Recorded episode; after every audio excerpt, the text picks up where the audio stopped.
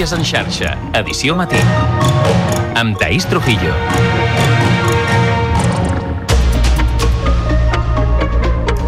Bon dia. Primera reunió entre el president de la Generalitat, Pere Aragonès, i el president del govern espanyol, Pedro Sánchez, després que PSOE i Esquerra tanquessin l'acord per la investidura del líder socialista. La reunió serà aquest migdia al Palau de la Generalitat i sobre la taula hi ha temes com ara la llei d'amnistia, el traspàs de Rodalies o el finançament de Catalunya. La trobada es produirà la setmana que Sánchez ha anunciat reunions amb Junqueras i amb Puigdemont i un dia abans que el president del govern espanyol es trobi amb el líder de l'oposició l'oposició, el popular Alberto Núñez Fijo. D'aquesta manera encapçalem el Notícies en xarxa d'aquest dijous, dia 21 de desembre, i al punt de les 7 del matí repassem també altres titulars.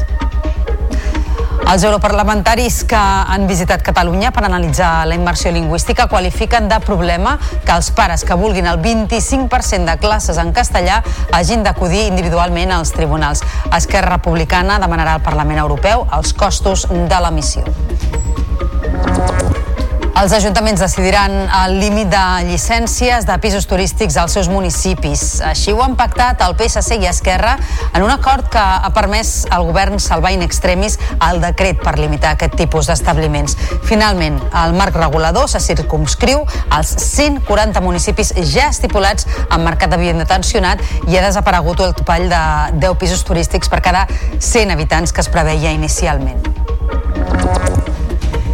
Dimiteix el vicerrector de la UB després de les acusacions d'assetjament sexual d'un alumne fa sis anys. Segons un comunicat de la universitat, Jordi Matas ha presentat la renúncia per poder engegar sense limitacions institucionals les accions legals que creu oportunes per defensar la seva honorabilitat. I en esports, el Barça tanca el 2023 a la Lliga amb una victòria per 3 a 2 sobre l'Almeria després d'una primera part inacceptable, segons eh, Xavi Hernández. Sergi Roberto va ser el principal artífex del triomf amb dos gols. I en cultura, gran nit de circ a la gala dels Premis Circòlica amb actuacions i molt d'humor per entregar els 11 guardons. Entre els premiats, l'espectacle Lady Panda de Clara Poc Macià i l'espectacle H de la companyia La Còrcoles, que guanyen els premis a millor espectacle de circ de sala i de carrer. El moment més emotiu va ser l'entrega del Premi Trajectòria al pallasso i pedagog Claret Papiol. Repassats els titulars, obrim àrea de serveis. Volem saber en primer lloc com se circula aquesta hora per la xarxa viària catalana. Per tant, connectem amb el RAC i amb l'Àlex Huguet. Molt bon dia. Molt bon dia. Intensitat de circulació en alguns punts principals de l'àrea metropolitana de Barcelona, tot i que per ara n'hi ha menys que la resta de la setmana. Són, com sempre, l'AP7 en sentit sud, al Papiol, la C58 arribant al nus de la Trinitat de Barcelona o a l'enllaç de l'A2 amb la B23 també en sentit Barcelona. I a la Ronda sí que hi ha aturades en sentit Llobregat durant 3 quilòmetres tant a la B20 des de Santa Coloma fins a Roquetes com a la litoral des del Fòrum fins al tram del Poble Nou i recordar que la CC28 a la, a la Vall d'Aran és obligatori l'ús de cadenes pel temporal d'Areu. És tot des del RAC. Bon dia. Ara tanquem portada amb la previsió del temps de cara a aquest dijous. Lluís Miquel Pérez, molt bon dia. Bon dia, un dijous que torna a despertar força ventós en el cas del Pirineu, les comarques de Tarragona i encara una miqueta cap a l'Empordà, per bé que aquest matí ja aquest vent anirà sent més fluix en aquestes comarques gironines. També amb molts núvols baixos, amb alguna boira i tot, que tenim a hores d'ara cap a l'altiplà central, aniran persistint tot aquest matí al voltant del Solsonès, de la Noguera o de la Sagarra i també núvols a l'interior de Tarragona. Al llarg d'aquesta tarda una temperatura que també quedarà una mica més baixa que la d'ahir, tret de les comarques de Ponent, on pujarà una miqueta respecte al dimecres, amb alguns núvols arrapats a l'Alt Pirineu, amb alguna nevadeta molt feble i encara amb vent a les comarques de Tarragona, també amb aquests núvols que no s'acabaran de desfer de l'altiplà central. Us seguirem a la xarxa. Notícies en xarxa, edició matí.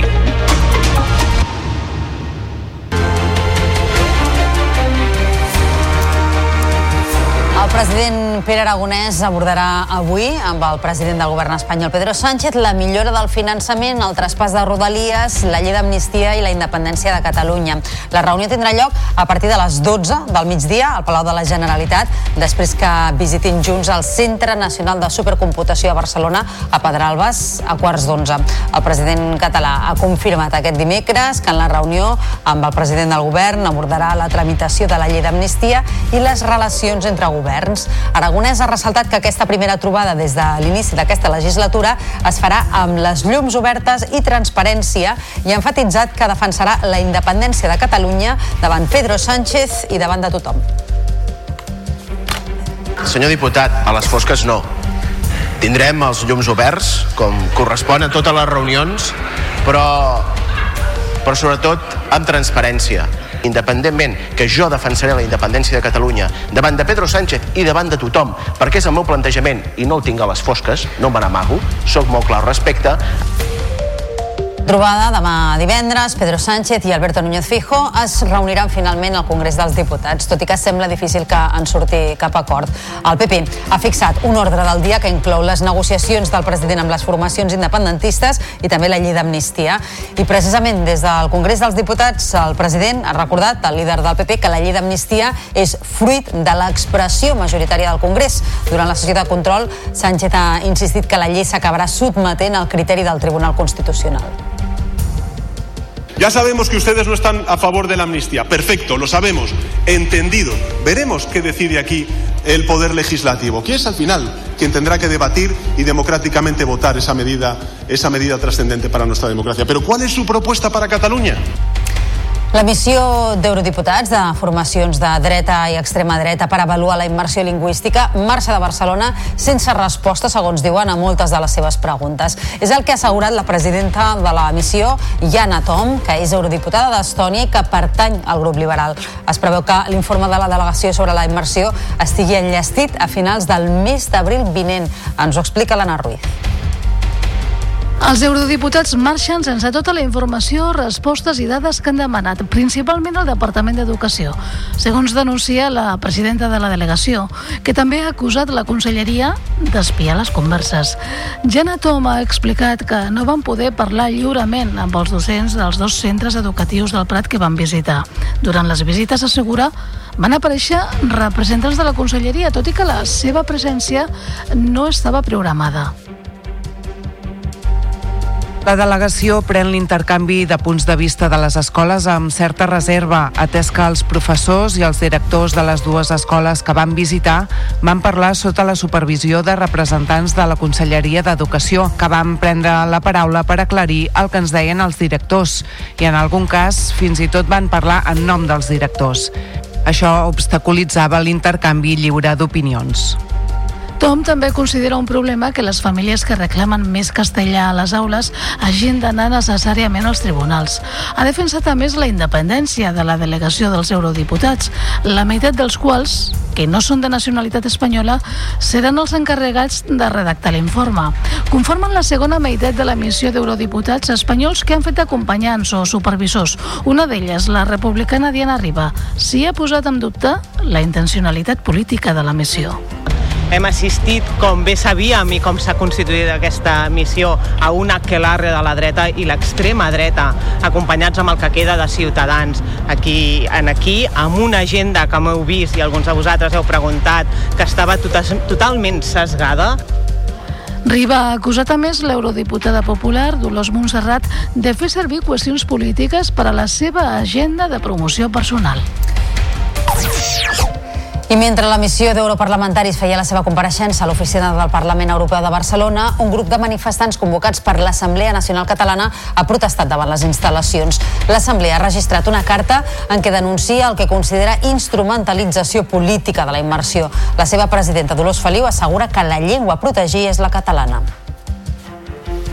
Aquesta missió és no gens menys que una instrumentalització del que és els mitjans i les institucions de la Unió Europea per eh, reprimir el català i per focalitzar doncs, sobre eh, una llengua que és el català que està mm, és una llengua minoritària, protegida per la Carta de Llengües Minoritàries i que per tant requereix de tota la protecció de la Unió Europea.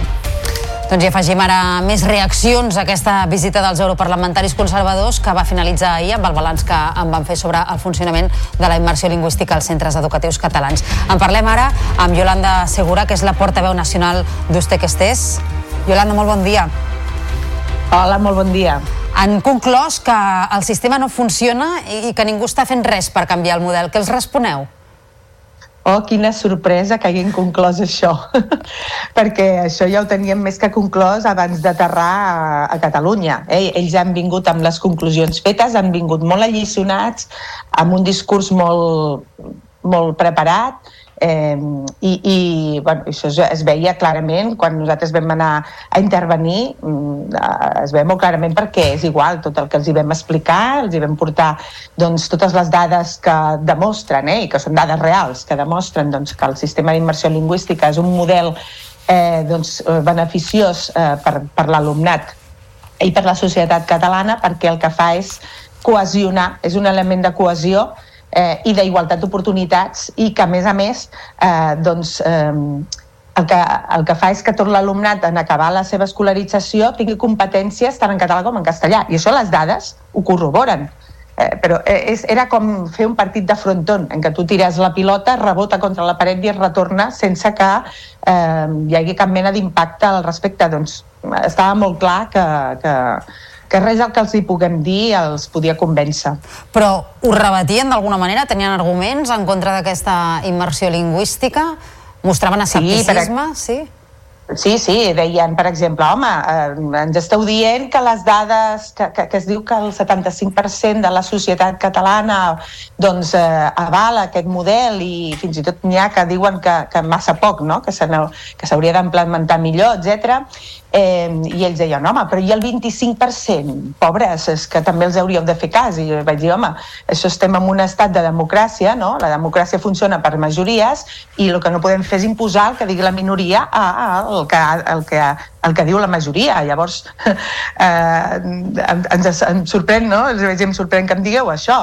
I dic, però de totes maneres, el que, ells s'acullen molt a la situació de sis famílies, no? que, que són doncs, les que han anat a portar doncs, el seu problema particular a, a, a les altes instàncies i, el, i la resposta de ser, home, si hi ha un problema puntual, es resol de forma puntual no eh, problemes particulars, personals, és, el que han de provocar és que eh, generi una, eh, una mesura que sigui eh, imposada a tothom perquè s'estan vulnerant els drets de la majoria eh, de les famílies i infants que, que ja els, que han apostat per aquest model d'escola.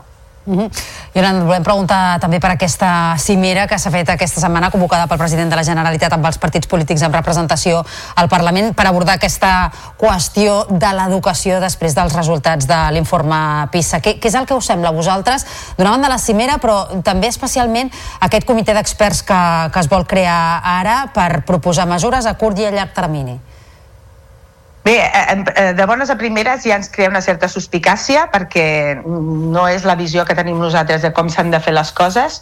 Ja hi ha uns espais de debat que són el Consell Escolar de Catalunya, per exemple, que té representació de, totes les, eh, de tota la comunitat educativa i, per tant, és des d'aquí on s'ha de començar a abordar eh, doncs, tot el que eh, refereix a l'educació, però, a més a més, eh, per, per, per, per dissenyar eh, i, i saber com, cap a on ha d'anar l'educació d'aquest país som els professionals que, que ens hi dediquem no? i que estem donant aquest servei els que hem de dir com, a, com quines necessitats l'educació, com estem a les aules, eh, com, com, què necessiten l'alumnat i per tant és per aquí on s'hauria de començar. I crec que ja els hem donat moltes pistes eh, durant molt de temps i de fet fa dos, fa dos cursos vam fer 15 15 vagues en concret i bueno, portem 15 vagues en els, aquests dos últims anys i crec que el missatge està molt clar. Llavors, fórmules màgiques eh, que vinguin del, dels grups polítics, que, que no diem que no hi hagi de ser, però en tot cas el debat ha de començar des de la base i després eh, extrapolar-ho a, la, a la resta, no, no primer des del, eh, que ens vingui posat des d'una comissió que a més hi ha molt poca representativitat de la part eh, del, del personal que estem en els centres. Queda clar, Yolanda Segura, portaveu nacional d'Ustequestés, gràcies com sempre per atendre'ns. Molt bon dia. Doncs gràcies a vosaltres, bon dia. Notícies en xarxa. Tota la informació al teu abast.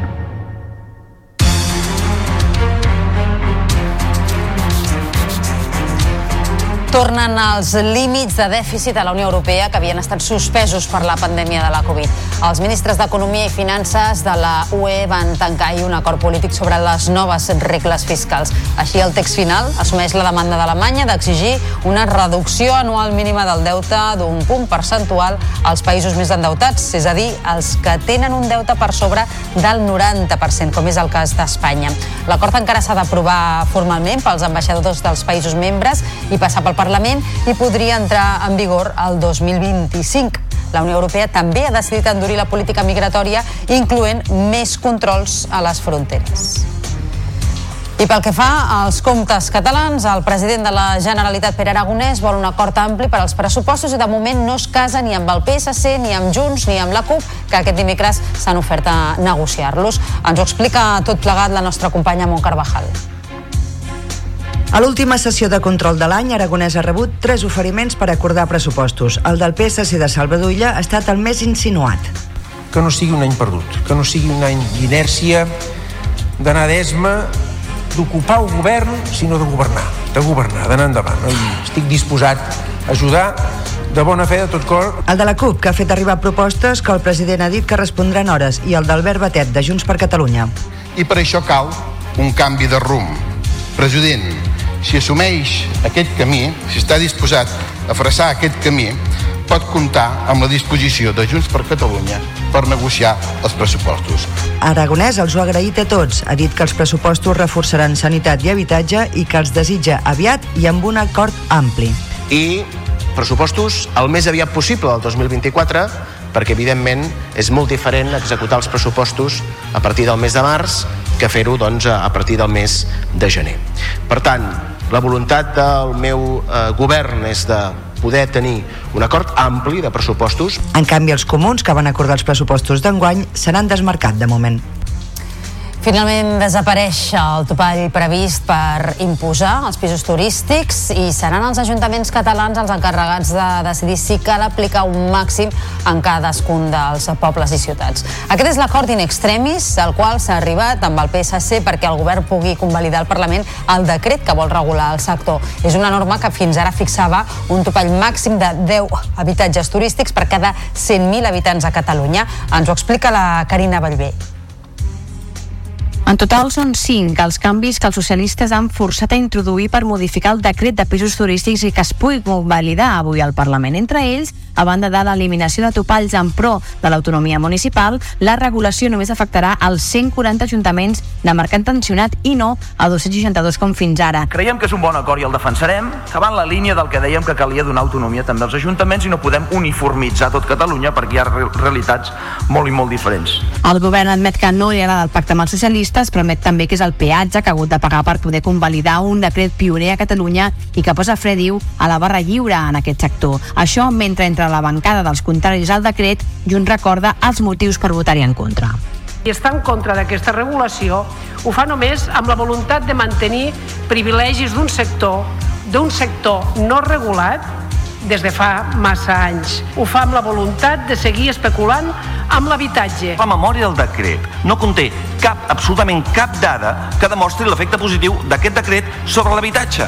El decret es convalida avui però es tramitarà com a projecte de llei al març perquè es puguin introduir tots aquests canvis que han criticat tant la CUP com els comuns que donen suport al decret però denuncien una manca de valentia política per part d'Esquerra Republicana per regular el sector dels pisos turístics. El PP, a més, diu que portarà el decret al Constitucional. I un cop aprovat el decret, torn per a les reaccions dels sectors afectats. Aquestes són les reflexions d'Enric Aragonès, portaveu del sindicat de llogateres, David Riba, president de Federatur, i Enrique Alcántara, que és president de Partur sense reduir el número de pisos turístics i tots aquests habitatges que s'estan destinant a altres usos, que no és que hi visqui gent, és impossible fer front a l'emergència habitacional que tenim. Estem parlant de dret a l'habitatge o del negoci d'algunes persones, d'alguns sectors que fan amb el turisme. I no podem posar aquestes coses un al costat de l'altre com si valguessin el mateix. Nosaltres sols representem el 2,5% dels habitatges i d'aquesta manera no, no, no se'ns resol el, el, el problema que tenim a Catalunya amb, amb la vivenda. És un decret turismofòbic. És un, turi un decret que va en contra de l'economia turística de Catalunya i molt especialment de la de Barcelona. Va contra tota l'activitat turística. Finalment, la Generalitat pagarà tot el cost de donar d'alta als estudiants en pràctiques a la Seguretat Social després que algunes empreses s'hagin negat a assumir el pagament de 40 cèntims al dia. La llei entra en vigor l'1 de gener i com que la decisió és d'última hora, els centres d'ensenyament tindran tasques a fer durant les vacances de Nadal posant a punt els papers. Un exemple és l'Institut Oliva de Ripoll. És una crònica de la televisió del Ripollès. Els sindicats van alertar que aquesta situació deixava desemparats els estudiants perquè hi havia empreses que no volien assumir aquest cost d'uns 40 cèntims al dia. En aquests casos, la solució del departament ha estat assumir-ho directament. De manera transitòria ens han dit que durant aquest 2024 el que farà el departament és assumir aquest 5% en el cas de que alguna empresa cregui més convenient no pagar-lo o no assumir-lo ell directament. Uns canvis in extremis que arriben a la recta final del trimestre. Hem de marxar amb tots aquests eh, convenis que necessitin estar al dia eh, 1 ja operatius doncs amb les noves signatures per no desatendre els nostres alumnes i les empreses que, que tenen eh, alumnes en pràctiques en els propers dies també anirem actualitzant tot allò que ens faci falta. En el cas de l'Institut Abat Oliva hi ha empreses que s'han queixat de la falta d'informació de la data del canvi i la paperassa també que els obliga a fer altes i baixes dels estudiants al llarg del curs en els convenis de curta durada.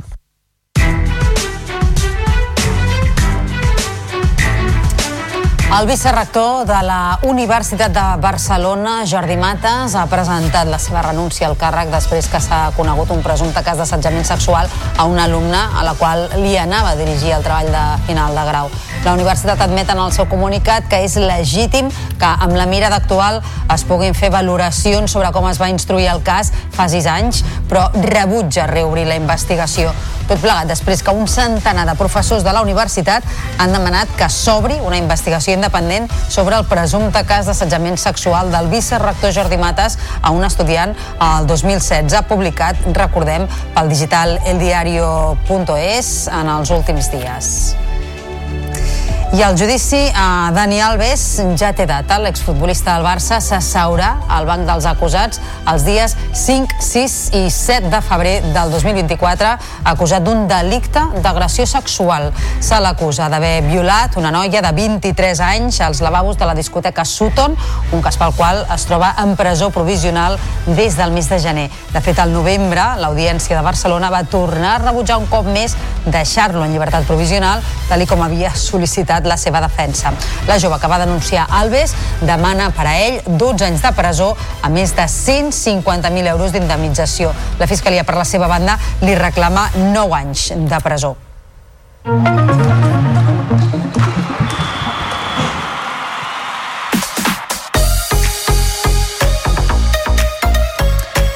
Barça ha trencat una ratxa de 3 partits sense guanyar amb una victòria important davant l'Almeria per 3 a 2. És un triomf molt treballat. Rafinha va avançar al Barça aprofitant un refús a la sortida d'un córner. Baptistau, Baptistau va empatar pels andalusos abans del descans amb un gol revisat pel VAR per possible fora de joc i a la represa Sergi Roberto va posar per davant el Barça amb una gran rematada de cap, però Edgar va aprofitar una topada entre Araujo i Penya per tornar a empatar per l'Almeria. Ja al tram final, Sergi Roberto, convertit en gran protagonista, va fer el gol de la victòria blaugrana. Malgrat el triomf, l'equip va tornar a mostrar mancances, sobretot al primer temps, i Xavi va ser contundent amb el missatge que va traslladar a l'equip al descans. La primera part, en aquest sentit, és inacceptable. Els he dit al descans, crec que no és acceptable la intensitat ni l'agressivitat, així no robarem cap pilota. La primera part, tot i així, pots anar guanyant 2-0, 3-1, però bé, si ens falta efectivitat, com a mínim hem de tenir agressivitat, hem de tenir ànima i a la primera part no, no es pot acceptar. Com a entrenador jo no l'accepto i és el que li dit al, des descans. O, o correm com animals o no ens arriba. No ens arriba, no tenim el Barça del 2010, no el tenim. Avui serà el torn del Girona, que juga a les 7 de la tarda al camp del Betis. L'equip de Mitchell vol sumar una nova victòria que li permeti tancar l'any com a líder de primera. Per fer-ho haurà de vèncer un rival de categoria europea, com és el Betis, aquí ara mateix, però avantatge en 17 punts. A la Lliga de Campiones, el Barça rep a les 9 de la nit el Rosengard suec en partit de la quarta jornada i amb totes les entrades venudes al Johan Cruyff. Les blaugranes són líders del grup en ple de victòries. De fet, fa una setmana ja van guanyar les sueques per un contundent 0 a 6. Jonathan Giraldez, que tornarà a recórrer jugadores del filial, pot aconseguir la victòria número 100 com a entrenador del Barça. I en bàsquet triomf del Joventut de Badalona, a l'Eurocup masculina va superar el Vilnius per 79-94 i fa un pas més per consolidar-se a la zona de play-off amb la setena victòria seguida. I a l'Eurocup eh, femenina, l'Espar Girona i Cadí la Seu s'enfrontaran als vuitens de final. Les gironines tenien 12 punts d'avantatge de l'anada a Hongria i també han guanyat la tornada de 12 a Fontejau, 63-51 contra els Exart. L'Uni, però, no es vaeix dubtes en el primer partit sense Laura Antoja i amb Jordi Sargatal com a tècnic provisional contra un rival notablement inferior. També va guanyar el Cadí la Seu, de manera que hi haurà duel català a vuitens. Les urgellenques van tornar a superar el Castor Brain belga, aquesta vegada de 4 punts, després d'haver guanyat el partit d'anada amb un clar avantatge de 22 punts. El Cadí va fer una magnífica primera meitat, es va encallar en atac en el tercer quart i va controlar un avantatge curt en els darrers 10 minuts. Remenaroa, màxima anotadora amb 21 punts, va certificar la victòria per 87 a 80 83.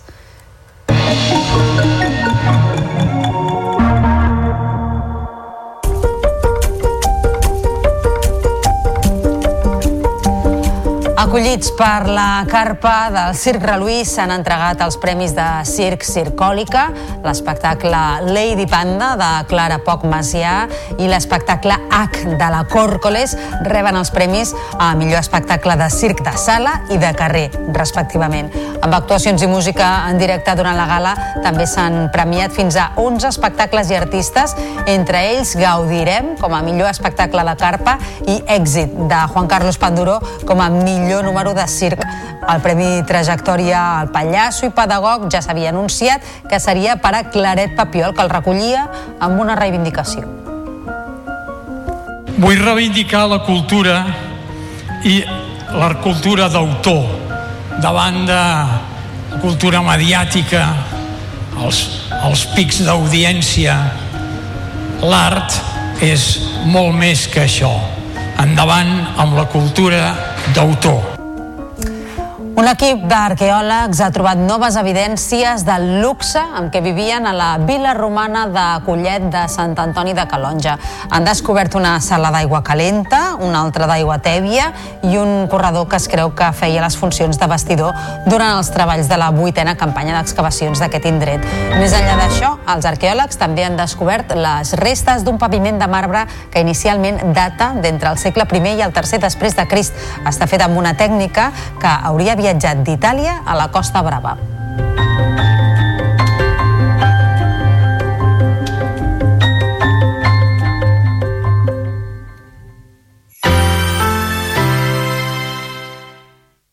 La xarxa de comunicació local.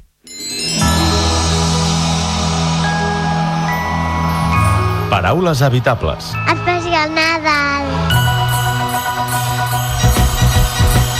Pel fet que les parts que formen una paraula siguin correctes, el compost no el podem fer, no? Podem dir bona nit, evidentment, però no podem dir nit bona, encara que sigui per una festa molt important.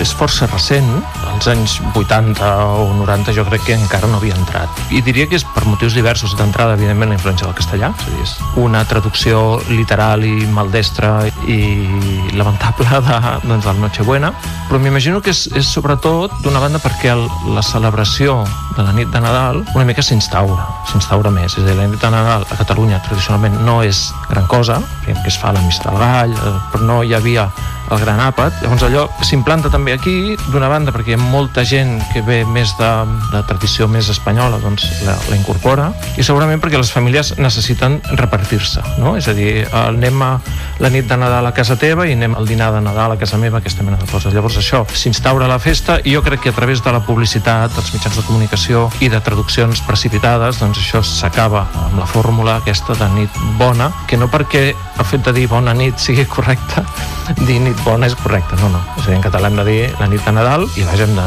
de, de procurar que no es perdi el terme. Rodolf Ortega i altres lingüistes repassen el català d'aquestes festes a l'especial de Nadal del Paraules Habitables, a la teva ràdio local i a la xarxa més.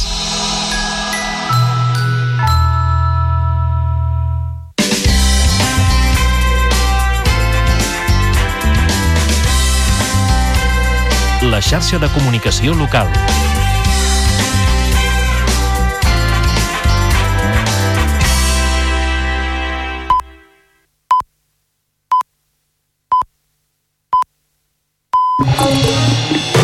Notícies en xarxa, edició matí. Amb Taís Trujillo. Bon dia, són dos quarts de vuit del matí i avui encapçalem el Notícies en xarxa amb la primera reunió entre el president de la Generalitat, Pere Aragonès, i el president del govern espanyol, Pedro Sánchez, després que PSOE i Esquerra tanquessin l'acord per la investidura del líder socialista. La reunió serà aquest migdia al Palau de la Generalitat i sobre la taula hi ha temes com ara la llei d'amnistia, el traspàs de Rodalies o el finançament de Catalunya. La trobada es produirà la setmana que Sánchez ha anunciat reunions amb Junqueras i amb Puigdemont i un dia abans que el president del govern espanyol es trobi amb el líder de l'oposició, el popular Alberto Núñez Feijóo. De seguida us ho ampliem, abans però repassem també altres titulars d'aquest dijous 21 de desembre. Els europarlamentaris que han visitat Catalunya per analitzar la immersió lingüística qualifiquen de problema que els pares que vulguin el 25% de classes en castellà hagin d'acudir individualment als tribunals. Esquerra Republicana demanarà al Parlament Europeu els costos de la missió. Els ajuntaments decidiran el límit de llicències de pisos turístics als seus municipis. Així ho han pactat el PSC i Esquerra en un acord que ha permès al govern salvar in extremis el decret per limitar aquest tipus d'establiments. Finalment, el marc regulador se circumscriu als 140 municipis ja estipulats en mercat de vivenda tensionat i ha desaparegut el topall de 10 pisos turístics per cada 100 habitants que es preveia inicialment. Dimiteix el vicerrector de la UB després de les acusacions d'assetjament sexual d'un alumne fa sis anys. Segons un comunicat de la Universitat Jordi Mates, ha presentat la renúncia per poder engegar sense limitacions institucionals les accions legals que creu oportunes per defensar la seva honorabilitat. I el Barça tancar el 2023 a la Lliga amb una victòria per 3 a 2 sobre l'Almeria després d'una primera part inacceptable segons Xavi Hernández. Sergi Roberto va ser el principal artífex del triomf amb dos gols. I en cultura, gran nit de circ a la gala dels Premis Circòlica, amb actuacions i molt d'humor per entregar els 11 guardons. Entre els premiats, Lady Panda, de Clara Poc Macià, i H, de la companyia Còrcoles, que guanyen els premis a millor espectacle de circ de sala i de carrer. El moment més emotiu, el Premi Trajectòria, el pallasso i pedagog Claret Papiol. Repassats els titulars, ara obrim plana de serveis amb el temps, perquè aquest dijous és l'últim dia de tardor i hi haurà estabilitat a bona part de Catalunya. El cel estarà serè o poc ennuvolat, però atenció amb el vent a l'Alt Empordà, a comarques de Tarragona i al Pirineu. L'hivern començarà la propera matinada a les 4 i 27 minuts.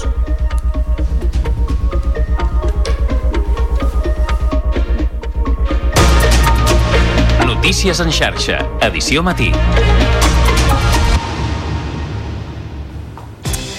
El president Pere Aragonès s'abordarà avui amb el president del govern espanyol, Pedro Sánchez, la millora del finançament, el traspàs de Rodalies, la llei d'amnistia i la independència de Catalunya. La reunió tindrà lloc a partir de les 12 del matí al Palau de la Generalitat, després que visitin junts el Centre Nacional de Supercomputació de Barcelona, a Pedralbes, a quarts d'onze. El president català ha confirmat aquest dimecres que en la reunió amb el president del govern abordarà la tramitació de la llei d'amnistia i les relacions entre governs. Aragonès ha ressaltat que aquesta primera trobada des de l'inici d'aquesta legislatura es farà amb les llums obertes i transparència i ha enfatitzat que defensarà la independència de Catalunya davant Pedro Sánchez i davant de tothom. Senyor diputat, a les fosques no. Tindrem els llums oberts, com correspon a totes les reunions, però, però sobretot amb transparència. Independentment que jo defensaré la independència de Catalunya davant de Pedro Sánchez i davant de tothom, perquè és el meu plantejament i no el tinc a les fosques, no me n'amago, sóc molt clar al respecte, L'endemà d'aquesta trobada, demà divendres, Pedro Sánchez i Alberto Núñez Feijóo es reuniran finalment al Congrés dels Diputats, tot i que sembla difícil que en surti cap acord. El PP ha fixat un ordre del dia que inclou les negociacions del president amb les formacions independentistes i també la llei d'amnistia. Precisament, des del Congrés dels Diputats, el president ha recordat al líder del PP que la llei d'amnistia és fruit de l'expressió majoritària del Congrés. Durant la sessió de control, Sánchez ha insistit que la llei s'acabarà sotmetent al criteri del Tribunal Constitucional. Ya sabemos que ustedes no están a favor de la amnistía. Perfecto, lo sabemos. Entendido. Veremos qué decide aquí el Poder Legislativo, que es al final quien tendrá que debatir y democráticamente votar esa medida, esa medida trascendente para nuestra democracia. Pero ¿cuál es su propuesta para Cataluña? La missió d'eurodiputats de formacions de dreta i extrema dreta per avaluar la immersió lingüística marxa avui de Barcelona sense resposta, diuen, a moltes de les seves preguntes. És el que ha assegurat la presidenta de la missió, Jana Tom, que és eurodiputada d'Estònia i que pertany al grup liberal.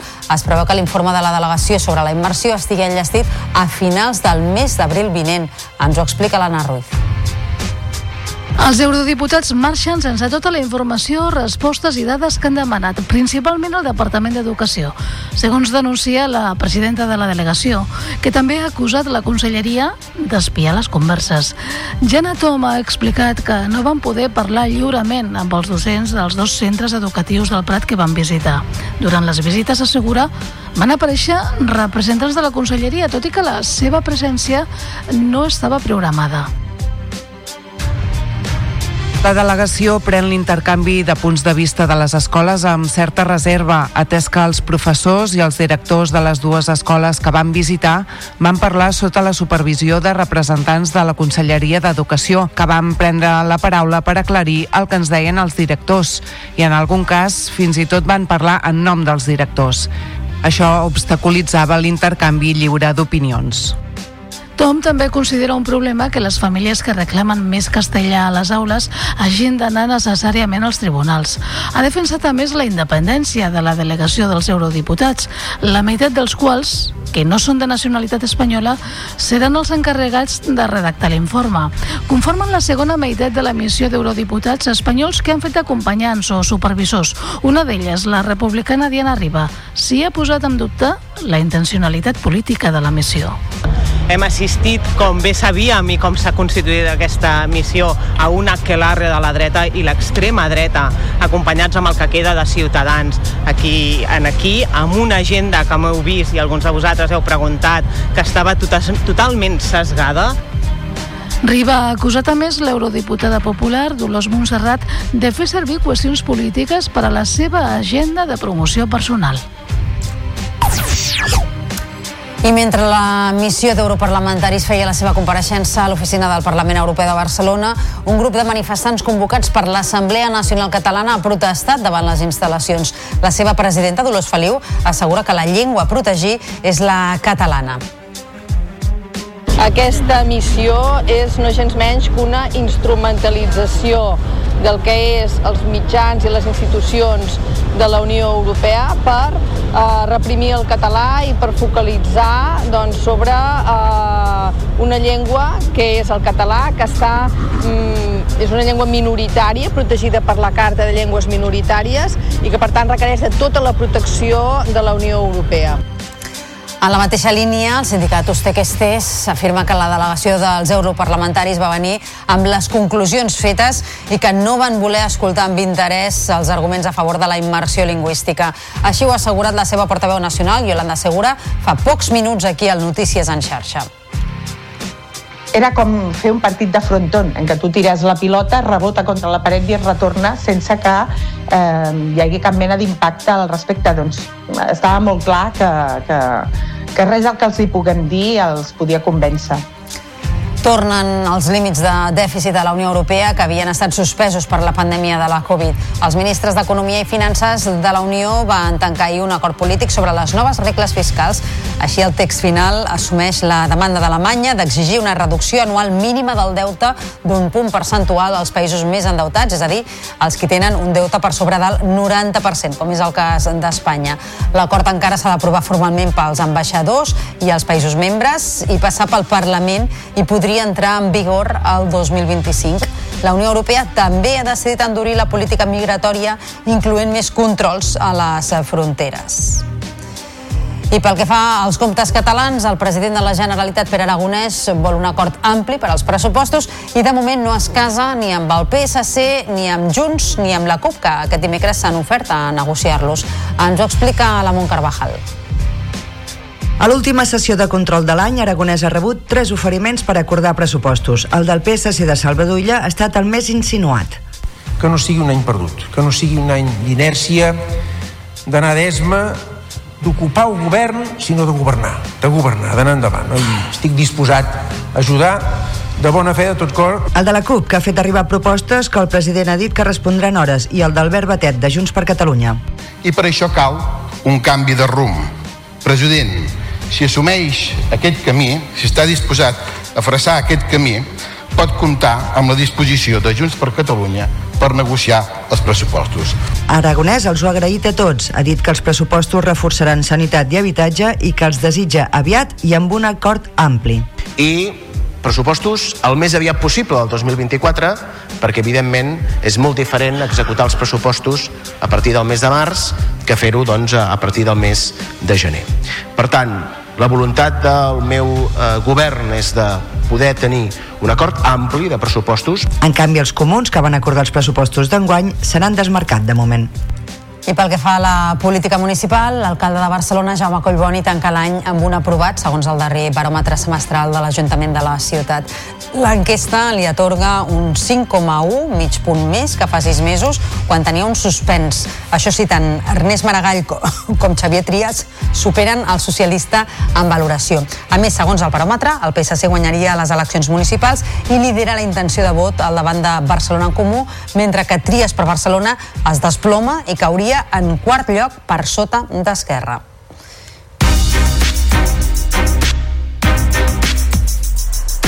Camí era de 3 quarts de 8 del matí, falten 4 minuts. Us expliquem que finalment desapareix el topall previst d'imposar els pisos turístics i seran els ajuntaments catalans els carregats de decidir si cal aplicar un màxim en cadascun dels pobles i ciutats.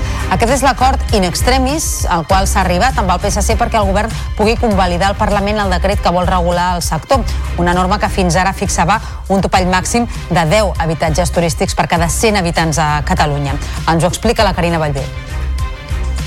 En total són cinc els canvis que els socialistes han forçat a introduir per modificar el decret de pisos turístics i que es pugui convalidar avui al Parlament. Entre ells, a banda de l'eliminació de topalls en pro de l'autonomia municipal, la regulació només afectarà els 140 ajuntaments de mercat tensionat i no a 262 com fins ara. Creiem que és un bon acord i el defensarem, que va en la línia del que dèiem que calia donar autonomia també als ajuntaments i no podem uniformitzar tot Catalunya perquè hi ha realitats molt i molt diferents. El govern admet que no li agrada el pacte amb els socialistes es permet també que és el peatge que ha hagut de pagar per poder convalidar un decret pioner a Catalunya i que posa fre, diu, a la barra lliure en aquest sector. Això mentre entre la bancada dels contraris al decret Junts recorda els motius per votar-hi en contra i està en contra d'aquesta regulació ho fa només amb la voluntat de mantenir privilegis d'un sector d'un sector no regulat des de fa massa anys. Ho fa amb la voluntat de seguir especulant amb l'habitatge. La memòria del decret no conté cap, absolutament cap dada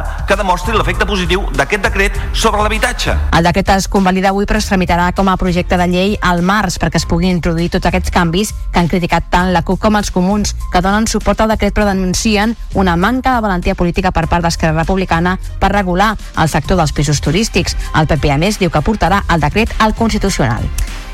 I un cop aprovat el decret, torna ara per a les reaccions dels sectors afectats. Aquestes són les reflexions d'Enric Aragonès, el portaveu del sindicat de llogateres, David Riba, president de Federatur, i Enrique Alcántara, president de Partur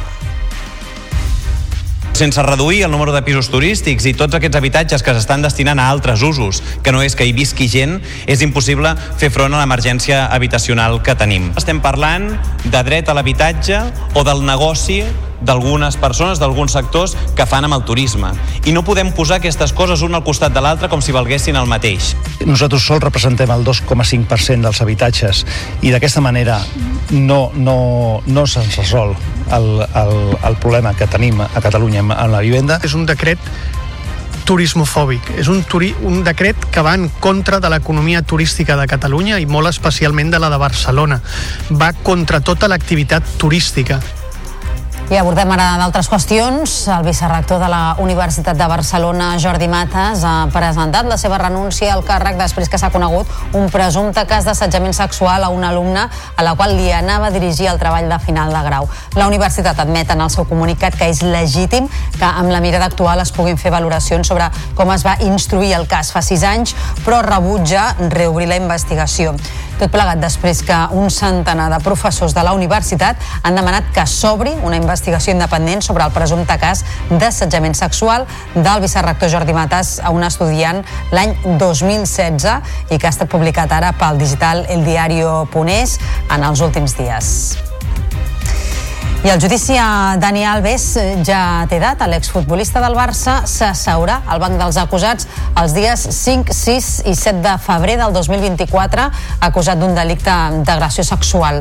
Se l'acusa d'haver violat una noia de 23 anys als lavabos de la discoteca Sutton, un cas pel qual es troba en presó provisional des del mes de gener.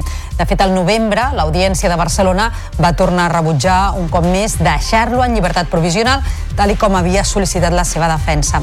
La jove que va denunciar Alves demana per a ell 12 anys de presó, a més de 150.000 euros d'indemnització. La Fiscalia, per la seva banda, li reclama 9 anys de presó. Un informe de l'ONG Save the Children mostra que 7 de cada 10 famílies amb pocs recursos s'han vist obligades a reduir el consum de productes bàsics per l'impacte de la inflació. És un fet que provoca malnutrició en els infants. L'estudi també indica que un de cada 4 menors atesos viu en famílies afectades per un desnonament. Ens ho explica el David Navarro. L'informe de Save the Children s'ha dut a terme sobre 200 famílies de Barcelona, Lleida i Canovelles, al Vallès Oriental. Gairebé la meitat viuen amb menys de 1.000 euros al mes. Amb aquests diners han de pagar un habitatge, les despeses i una cistella de la compra que s'ha encarit un 16% en només un any. Això fa que, com explica la directora d'Incidència Social i Política de l'ONG, Catalina Perazzo, un de cada tres nens no pugui consumir fruita fresca o verdures almenys una vegada al día. La mitad de estos niños y niñas no pueden comer la suficiente cantidad de proteína, fruta o verdura a la semana, eh, llevando a que la mitad de ellos tengan eh, sobrepeso, consumen dulces y pantallas en exceso, desayunan bollería industrial y no duermen lo que necesitan. La situació econòmica també fa que una de cada tres famílies visqui en habitatges en males condicions i el 60% no pugui mantenir-los a una temperatura adient. A més, el 25% dels menors atesos han patit un desnonament. Save the Children reclama que es faciliti l'accés a l'ingrés mínim vital i bonificacions del subministrament elèctric d'accés automàtic, entre d'altres mesures.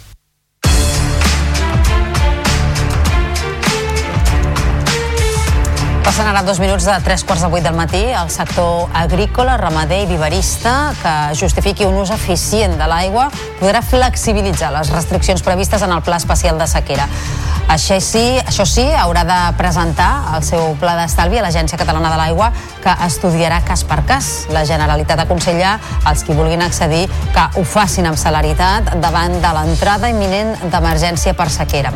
És una, una crònica de l'Alba Pairet des de la televisió Costa Brava.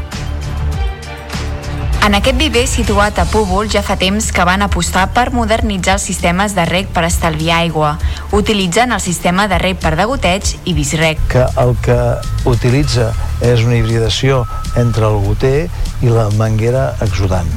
I això fa que encara estalviem entre un 40 i un 50% més d'aigua. Gràcies a l'ús d'innovacions per a una gestió més eficient, l'Agència Catalana de l'Aigua ha aplicat a l'empresa un percentatge de reducció inferior respecte a les restriccions previstes en el Pla Especial de Sequera. Passar amb estat d'alerta d'un 40 a un 17% de, de reducció d'aigua per nosaltres és bàsic, és un 40% eh, pràcticament només ens donava just, just, just per la supervivència de planta, doncs amb la reducció d'un 17% ens permet poder eh, produir planta amb una qualitat suficient com per poder anar als mercats més exigents d'Europa i del món. Aquesta mesura forma part del Pla d'Estalvi de la Generalitat. Ho demanen de manera individual, presenten totes aquelles mesures d'estalvi, modernització de rec, doncs que tenen implementat en la seva explotació o en el seu sistema i a partir d'això es fa una resolució individualitzada. Els plans d'estalvi els poden presentar qualsevol titular d'una concessió per l'aprofitament d'aigües a les conques internes de Catalunya, com ara comunitats de regants, comunitats d'usuaris d'aigua o explotacions individuals agrícoles o ramaderes. La que estudiarà cas per cas. I la Generalitat ha detectat una patologia estructural al viaducte d'Ossor Mort a l'eix transversal durant una inspecció i ha decidit prohibir el trànsit de camions per motius de seguretat viària entre Sant Sadurní d'Ossor Mort i Arbúcies. El viaducte es va construir als anys 90 i es troba a la calçada en sentit Lleida. A banda de restringir el pas de camions, la resta de vehicles han de reduir la velocitat i només poden circular per un carril. El Departament de Territori assegura que en els pròxims dies es desviarà tot el trànsit per la calçada en sentit Girona, que està desdoblada, i els camions ja podran tornar a circular-hi.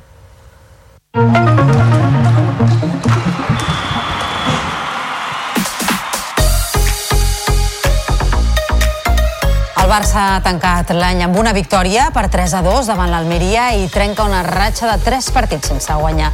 Dues vegades es van avançar els blaugranes i dues vegades van empatar els andalusos, fins que Sergi Roberto, autor de dos gols, va sentenciar. Malgrat el triomf, els blaugranes van tornar a mostrar mancances i Xavi va ser contundent. La primera part, en aquest sentit, és inacceptable. Els he dit al descans, crec que no és acceptable la intensitat ni l'agressivitat, així no robarem cap pilota. La primera part, tot i així, pots anar guanyant 2-0, 3-1, però bé, si ens falta efectivitat, com a mínim hem de tenir agressivitat, hem de tenir ànima i la primera part no, no es pot acceptar. Com a entrenador jo no l'accepto i és el que li dit al des descans. O, o correm com animals o no ens arriba no ens arriba, no tenim el Barça del 2010, no el tenim. Avui serà el torn del Girona, que juga a les 7 de la tarda al camp del Betis. L'equip de Mitchell vol sumar una nova victòria que li permeti tancar l'any com a líder de primera. Per fer-ho haurà de vèncer un rival de categoria europea com és el Betis, aquí ara mateix però avantatge en 17 punts. El tècnic Mitchell posa en valor el paper que estan fent aquesta temporada. El Betis està fent una temporada molt bona que porta 12 o 13 partits eh, sense perdre, sense perdre. És que nosaltres en, est estem fent eh, bueno, una puntuació espectacular. Bueno, de, de, de guanyar la Liga però hem de continuar a la Lliga de Campiones, el Barça rep a les 9 de la nit el Rosengar suec en partit de la quarta jornada i amb totes les entrades venudes al Johan Cruyff. Les blaugranes són líders del grup en ple de victòries. De fet, fa una setmana ja van guanyar les sueques per un contundent 0 a 6. Jonathan Giraldez, que tornarà a recórrer jugadores del filial, pot aconseguir la victòria número 100 com a entrenador del Barça. Tot just després de confirmar que marxarà als Estats Units a l'acabar la temporada. Una decisió que va sorprendre el vestidor del Barça Barça, com ha confessat Marta Torrejón, veterana i segona capitana de les campiones d'Europa estem tranquil·les, ens alegrem perquè sabem que si el Jonathan eh, pren aquesta decisió és eh, a nivell personal i perquè serà molt bo pel seu futur i, i això no canvia res, no? la temporada continua, el Jonathan es queda aquí fins al final, eh, exigència màxima i ja donar-ho tot fins, fins que acabi la temporada. A l'hoquei Lliga Femenina, el Vilassana s'ha situat líder provisional amb la golejada per 6-1 contra el Corunya. Victòria contundent de l'equip del Pla d'Urgell contra el cinquè classificat amb gols de Lucy Agudo, Sílvia Quiroga, dos de Victòria Porta, un de Flor Felamini i el sisè de Laura Barcons. El Vilassana ocupa la primera plaça a l'espera de la resta de la jornada que es disputarà dissabte. L'entrenador Lluís Rodero no pot oblidar la derrota a Fraga. Sí, realment avui hem fet un gran partit tant a, a nivell defensiu amb una pressió alta que, que hem fet bé, que no ens va sortir a fraga com volíem. Eh, la bola ha corregut, hem creat moltes ocasions i crec que hem fet disfrutar la gent. Per tant finalitzem d'una bona manera tot i que pensem amb, el, amb els punts que vam perdre però això és molt llarg i hem de, ser, hem de seguir treballant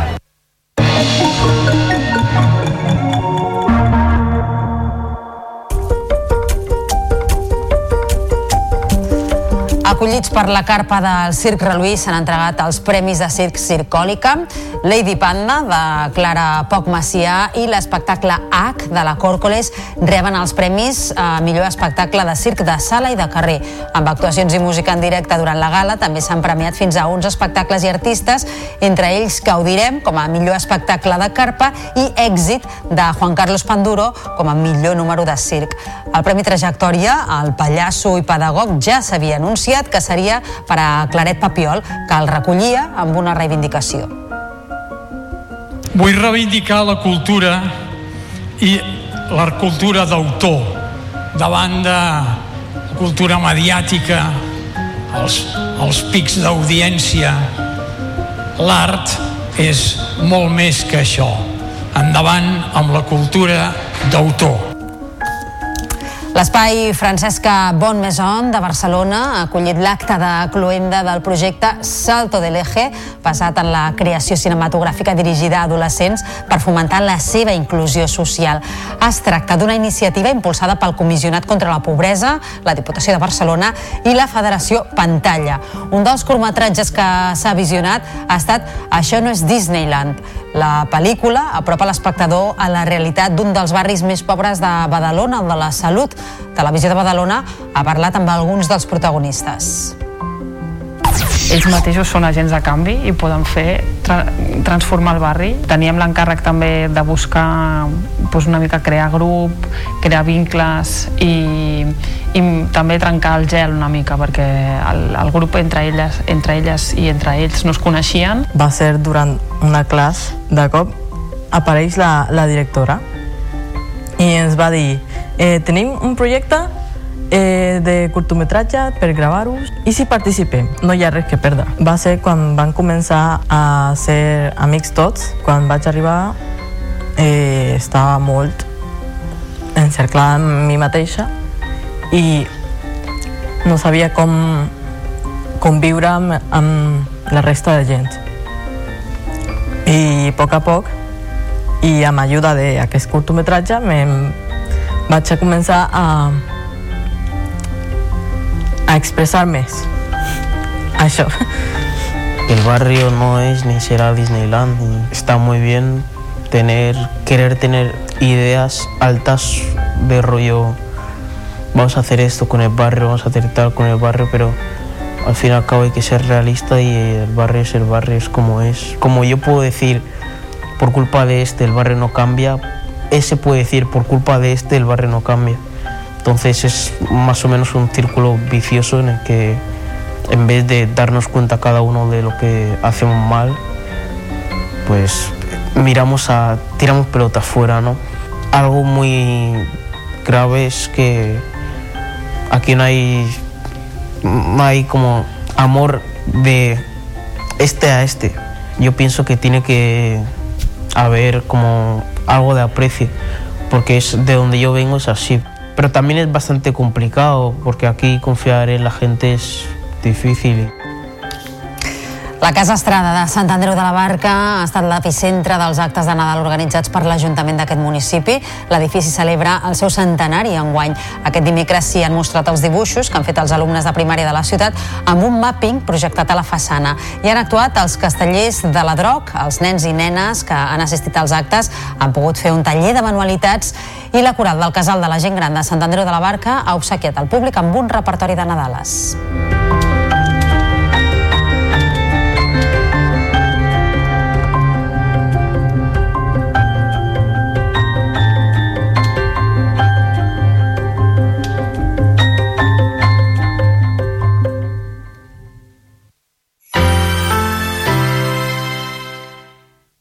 La xarxa de comunicació local.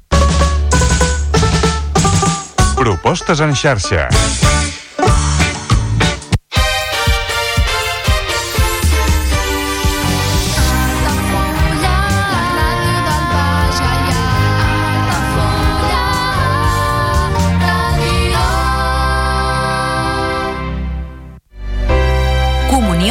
2024. Dates ja disponibles amb sales privades, jardí, pàrquing privat i la millor gastronomia. Més informació i reserves al 977 65 11 55 i a comercial arroba altafullamarotel.com o al web altafullamarotel.com.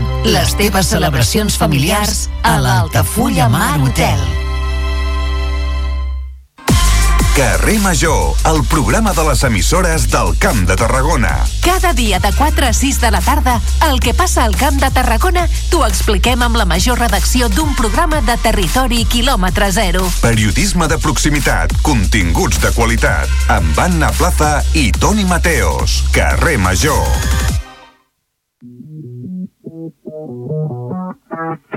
Late night, I'm missing home. ah. Més voltes a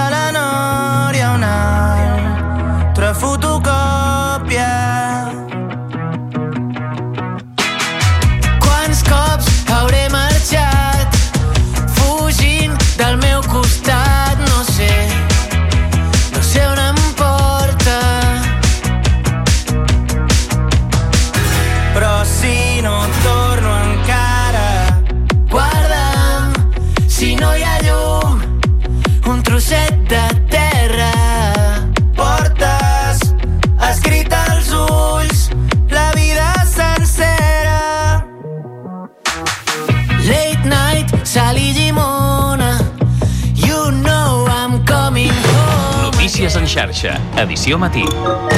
Amb Taís Trujillo.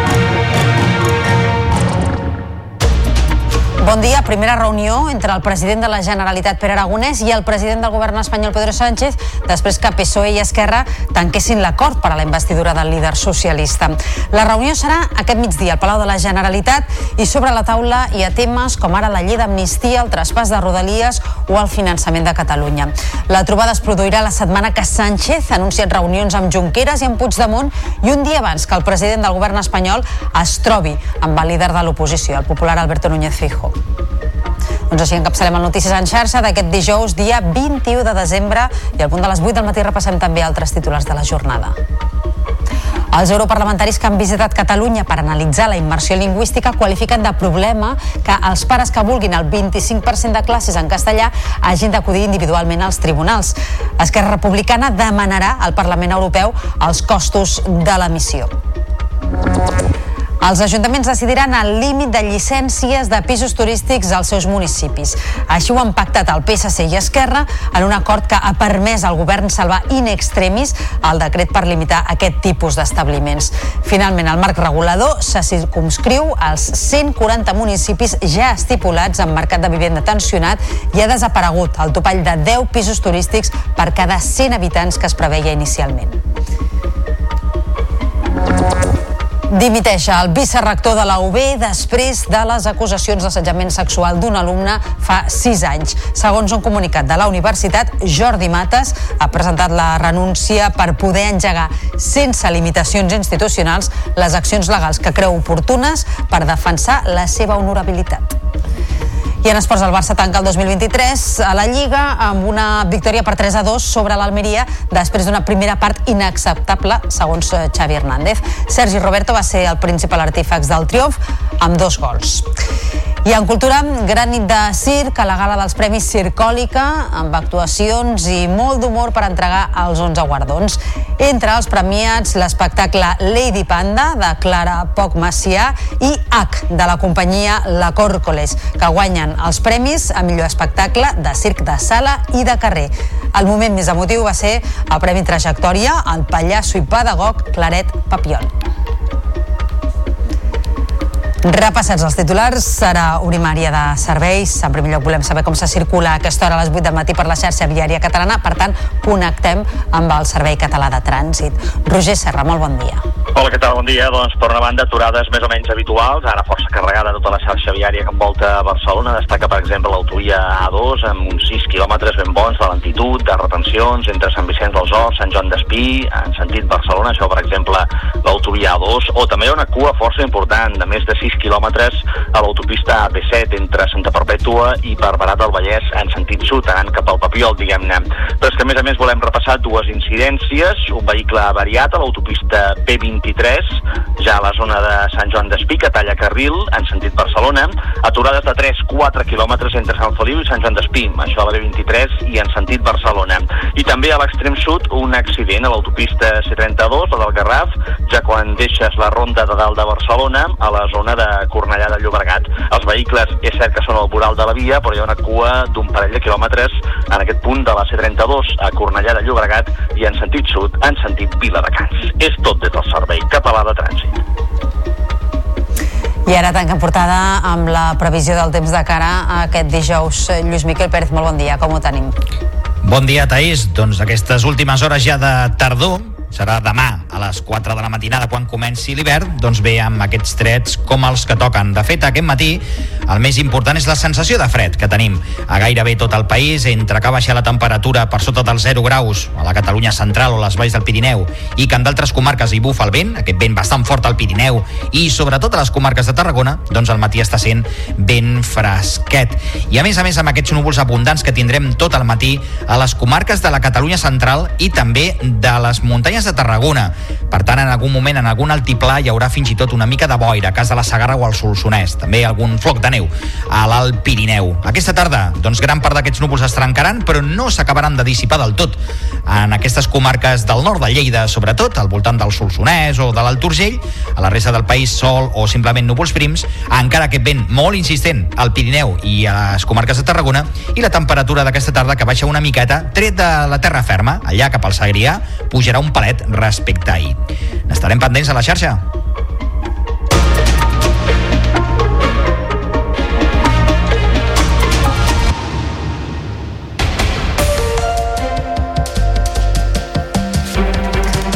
President Pere Aragonès abordarà avui amb el president del govern espanyol Pedro Sánchez la millora del finançament, el traspàs de Rodalies, la llei d'amnistia i la independència de Catalunya.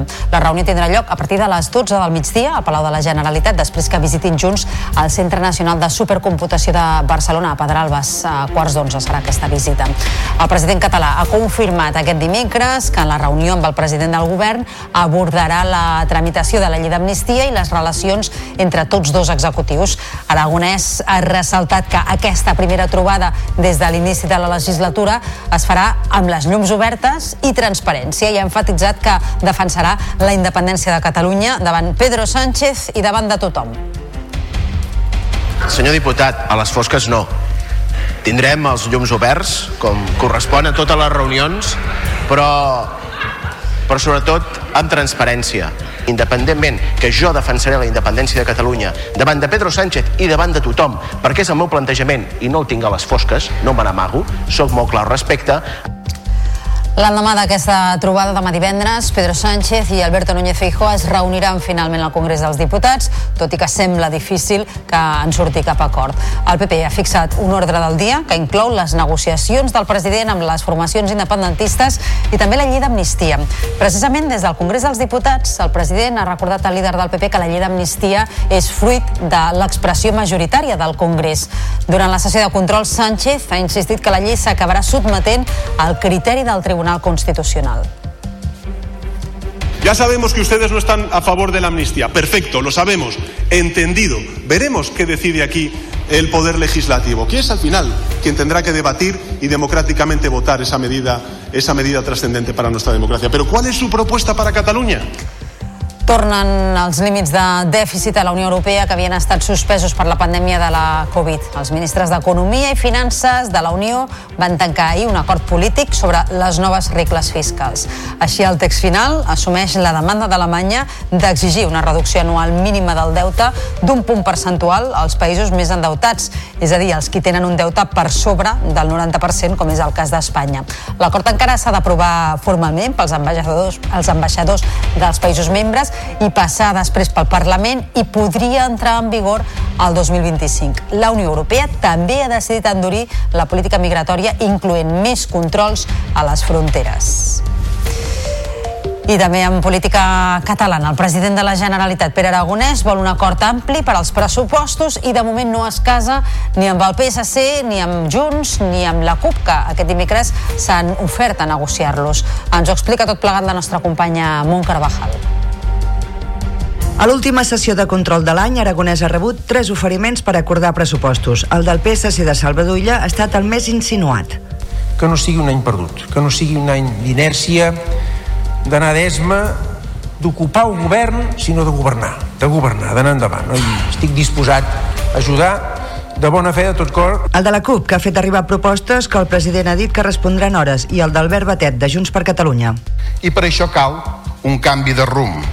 President, si assumeix aquest camí, si està disposat a fressar aquest camí, pot comptar amb la disposició de Junts per Catalunya per negociar els pressupostos.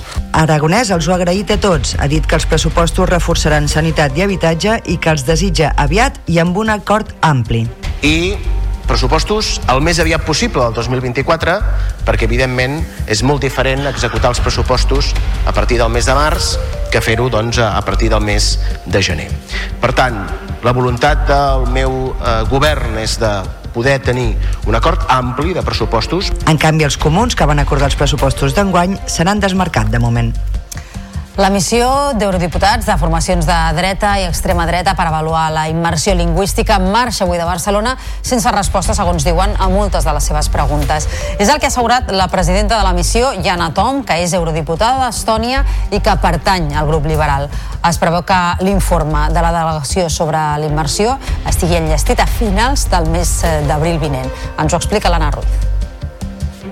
Els eurodiputats marxen sense tota la informació, respostes i dades que han demanat, principalment el Departament d'Educació, segons denuncia la presidenta de la delegació, que també ha acusat la conselleria d'espiar les converses. Jana Tom ha explicat que no van poder parlar lliurement amb els docents dels dos centres educatius del Prat que van visitar.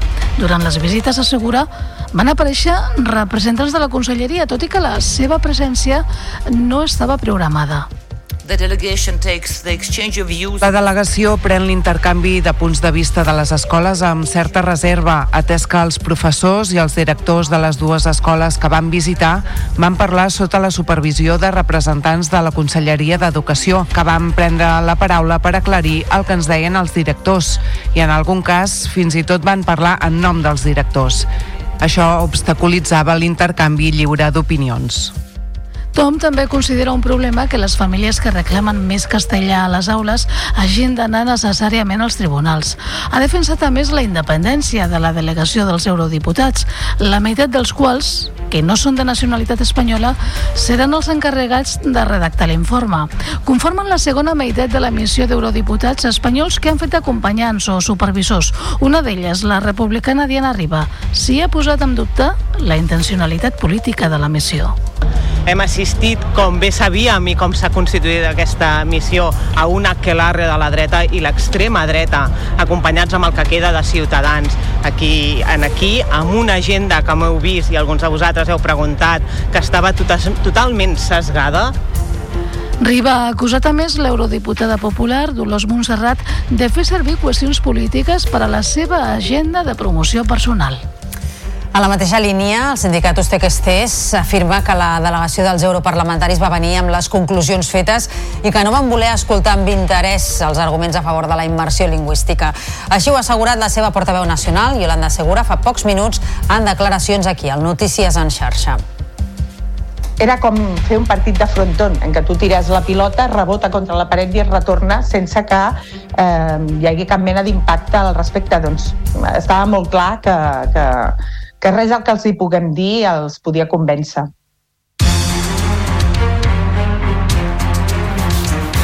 Camí d'un quart de nou hora del matí, falten 3 minuts. Finalment desapareix el topall previst imposar als pisos turístics i seran els ajuntaments catalans els encarregats de decidir si cal aplicar un màxim en cada poble o ciutat. És l'acord in extremis al qual s'ha arribat amb el PSC perquè el govern pugui convalidar al Parlament el decret que vol regular el sector. Una norma que fins ara fixava un topall màxim de 10 habitatges turístics per cada 100 habitants a Catalunya. Ens ho explica la Carina Vallvé. En total són cinc els canvis que els socialistes han forçat a introduir per modificar el decret de pisos turístics i que es pugui convalidar avui al Parlament. Entre ells, a banda de l'eliminació de topalls en pro de l'autonomia municipal, la regulació només afectarà els 140 ajuntaments de mercat tensionat i no a 262 com fins ara. Creiem que és un bon acord i el defensarem, que va en la línia del que dèiem que calia donar autonomia també als ajuntaments i no podem uniformitzar tot Catalunya perquè hi ha re- realitats molt i molt diferents. El govern admet que no li agrada el pacte amb els socialistes, però admet també que és el peatge que ha hagut de pagar per poder convalidar un decret pioner a Catalunya i que posa fre, diu, a la barra lliure en aquest sector. Això mentre entre la bancada dels contraris al decret i un recorda els motius per votar-hi en contra. i està en contra d'aquesta regulació ho fa només amb la voluntat de mantenir privilegis d'un sector d'un sector no regulat des de fa massa anys. Ho fa amb la voluntat de seguir especulant amb l'habitatge. La memòria del decret no conté cap, absolutament cap dada que demostri l'efecte positiu d'aquest decret sobre l'habitatge. El decret es convalida avui però es tramitarà com a projecte de llei al març perquè es puguin introduir tots aquests canvis que han criticat tant la CUP com els comuns que donen suport al decret però denuncien una manca de valentia política per part d'Esquerra Republicana per regular el sector dels pisos turístics. El PP a més diu que portarà el decret al Constitucional. I un cop aprovat el decret, tornarà per les reaccions dels sectors afectats. Aquestes són les reflexions d'Enric Aragonès, el portaveu del sindicat de llogateres, David Riba, el president de Federatur, i Enrique Alcántara, president de Partur. Sense reduir el número de pisos turístics i tots aquests habitatges que s'estan destinant a altres usos, que no és que hi visqui gent, és impossible fer front a l'emergència habitacional que tenim. Estem parlant de dret a l'habitatge o del negoci d'algunes persones, d'alguns sectors que fan amb el turisme. I no podem posar aquestes coses un al costat de l'altre com si valguessin el mateix. Nosaltres sols representem el 2,5% dels habitatges i d'aquesta manera no, no, no se'ns resol el, el, el problema que tenim a Catalunya amb la vivenda. És un decret turismofòbic. És un, turi un decret que va en contra de l'economia turística de Catalunya i molt especialment de la de Barcelona. Va contra tota l'activitat turística. Finalment, la Generalitat pagarà tot el cost de donar d'alta als estudiants en pràctiques de la Seguretat Social després que algunes empreses s'hagin negat a assumir el pagament de 40 cèntims al dia. La llei entra en vigor el dia 1 de gener i com que la decisió és d'última hora, els centres d'ensenyament tindran tasques a fer durant les vacances de Nadal posant a punt els papers. Un exemple és l'Institut Oliva de Ripoll. És una crònica de la televisió del Ripollès. Els sindicats van alertar que aquesta situació deixava desemparats els estudiants perquè hi havia empreses que no volien assumir aquest cost d'uns 40 cèntims al dia. En aquests casos, la solució del departament ha estat assumir-ho directament. De manera transitòria ens han dit que durant aquest 2024 el que farà el departament és assumir aquest 5% en el cas de que alguna empresa cregui més convenient no pagar-lo o no assumir-lo ell directament. Uns canvis in extremis que arriben a la recta final del trimestre.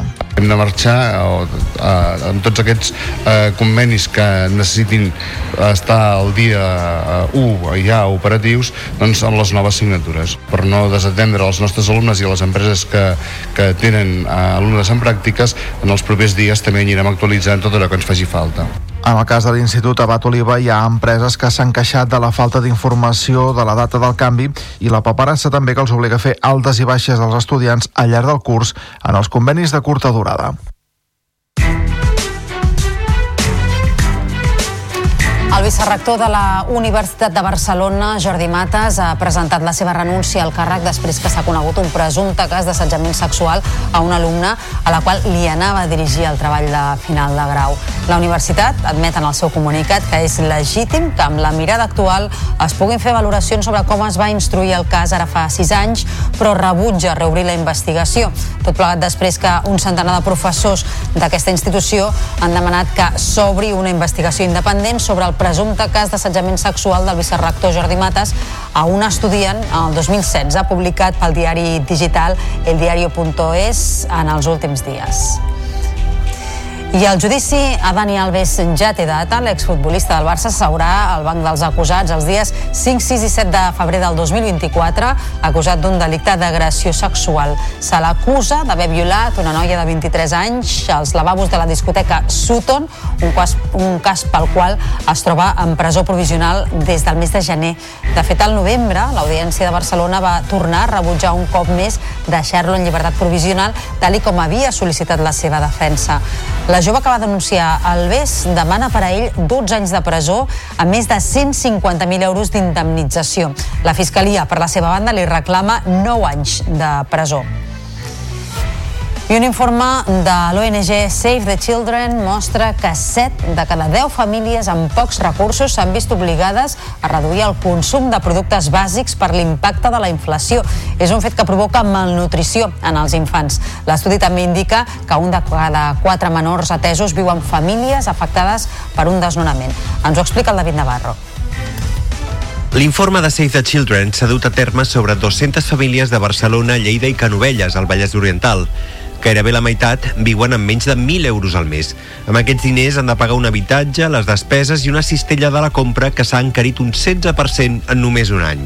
Això fa que, com explica la directora d'Incidència Social i Política de l'ONG, Catalina Perazzo, un de cada tres nens no pugui consumir fruita fresca o verdures almenys una vegada al día. La mitad de estos niños y niñas no pueden comer la suficiente cantidad de proteína, fruta o verdura a la semana, eh, llevando a que la mitad de ellos tengan eh, sobrepeso, consumen dulces y pantallas en exceso, desayunan bollería industrial y no duermen lo que necesitan. La situació econòmica també fa que una de cada tres famílies visqui en habitatges en males condicions i el 60% no pugui mantenir-los a una temperatura adient. A més, el 25% dels menors atesos han patit un desnonament. Save the Children reclama que es faciliti l'accés a l'ingrés mínim vital i bonificacions del subministrament elèctric d'accés automàtic, entre d'altres mesures. I encara parlant de persones desafavorides, us expliquem ara que la comunitat de Santa Gidi a Barcelona ha presentat l'actualització de la guia 2024 amb recursos assistencials per a persones, en aquest cas sense sostre. Se'ls ofereixen més de 500 adreces i espais on es poden dutxar, dormir o trobar un àpat calent. La guia també ofereix un mapa amb els lavabos públics, 14 telèfons d'ajut o bé on trobar cursos de català i castellà per a estrangers. Sant Egidi publica anualment unes 3.000 guies guies que distribueix gratuïtament a les més de 2.000 persones que calcula que viuen al carrer a Barcelona. És una guia que pensem que perquè sigui útil per les persones que estan al carrer, en el seu format, en la seva edició, el seu tamany, perquè la puguin portar a sobre. I és una brújula, és una brújula a partir de la qual un pot refer la seva vida.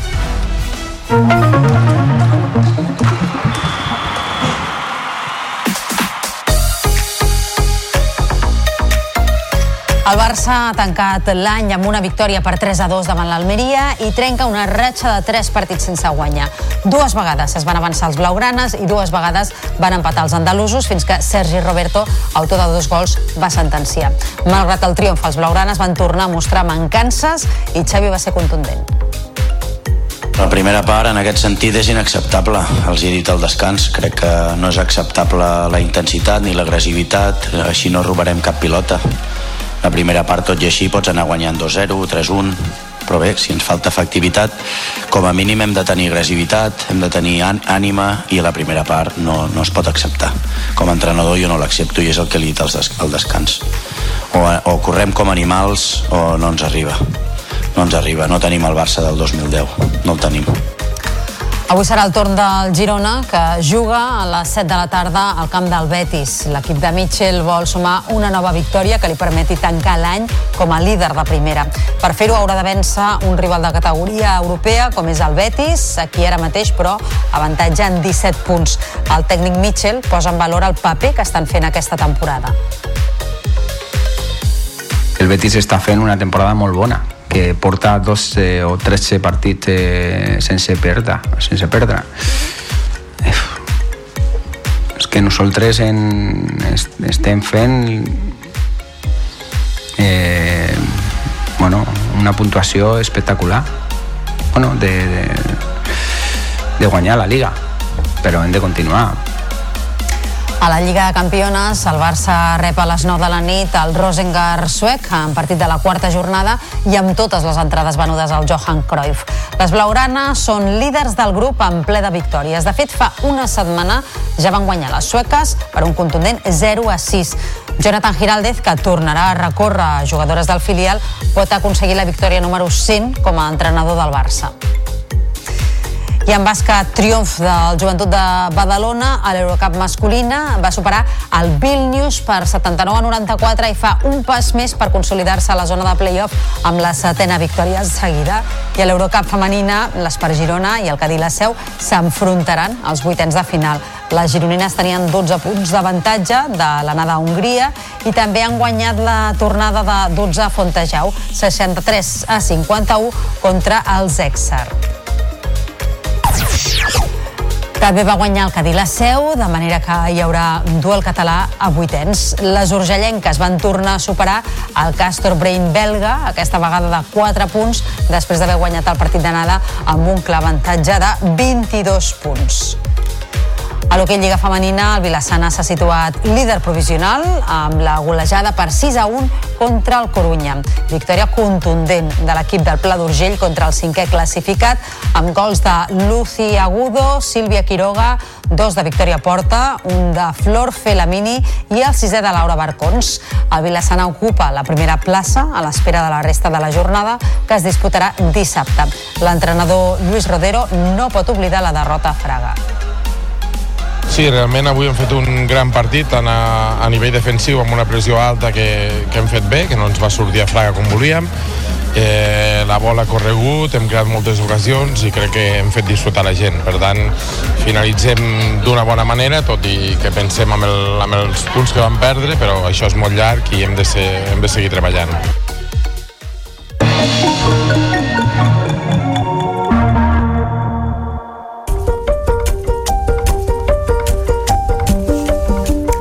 Acollits per la carpa del Circ Reluí s'han entregat els premis de Circ Circòlica, l'espectacle Lady Panda de Clara Poc Macià i H de la Còrcoles reben els premis a millor espectacle de circ de sala i de carrer. El Premi Trajectòria al Pallasso i Pedagog ja s'havia anunciat que seria per a Claret Papiol, que el recollia amb una reivindicació. Vull reivindicar la cultura i la cultura d'autor davant de cultura mediàtica, els, els pics d'audiència. L'art és molt més que això. Endavant amb la cultura d'autor. L'espai Francesca Bonmesson de Barcelona ha acollit l'acte de cloenda del projecte Salto del Eje, basat en la creació cinematogràfica dirigida a adolescents per fomentar la seva inclusió social. Es tracta d'una iniciativa impulsada pel Comissionat contra la Pobresa, la Diputació de Barcelona i la Federació Pantalla. Un dels curtmetratges que s'ha visionat ha estat Això no és Disneyland. La pel·lícula apropa l'espectador a la realitat d'un dels barris més pobres de Badalona, el de la Salut. Televisió de Badalona ha parlat amb alguns dels seus protagonistes. ells mateixos són agents de canvi i poden fer tra transformar el barri. Teníem l'encàrrec també de buscar doncs, una mica crear grup, crear vincles i, i també trencar el gel una mica perquè el, el grup entre elles, entre elles i entre ells no es coneixien. Va ser durant una classe, de cop apareix la, la directora i ens va dir eh, tenim un projecte eh, de curtometratge per gravar-los i si participem, no hi ha res que perdre. Va ser quan van començar a ser amics tots, quan vaig arribar eh, estava molt encerclada en mi mateixa i no sabia com conviure amb, amb la resta de gent.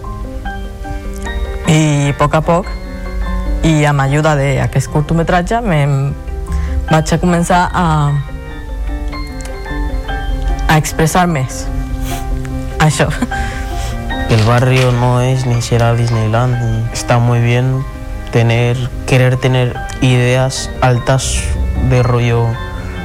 Vamos a hacer esto con el barrio, vamos a hacer tal con el barrio, pero al fin y al cabo hay que ser realista y el barrio es el barrio, es como es. Como yo puedo decir, por culpa de este el barrio no cambia, ese puede decir por culpa de este el barrio no cambia.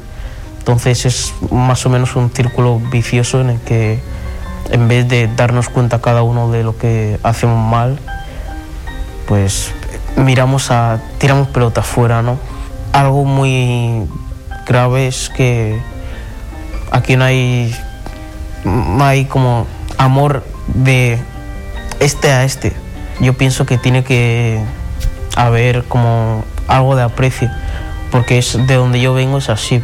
Pero también es bastante complicado, porque aquí confiar en la gente es difícil.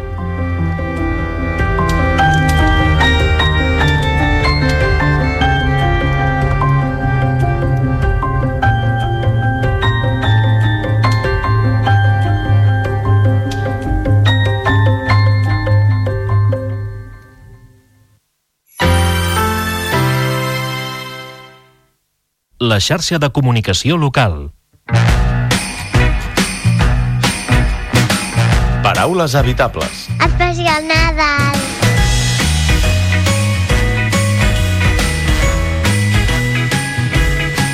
És un tronc, és un tió, és una soca, és una rabassa, però no, no és el cagatió. Allò no ho és. L'acció la podem arribar a anomenar així, que m'estimaria més que no, però les coses de vegades, quan t'has donat contra la paret 10 vegades, les, la onzena dius, bé, potser que ja no m'hi doni més, no? Ja acceptem-ho o, o tolerem-ho, no? Però a l'acció, no pas al, al tronc.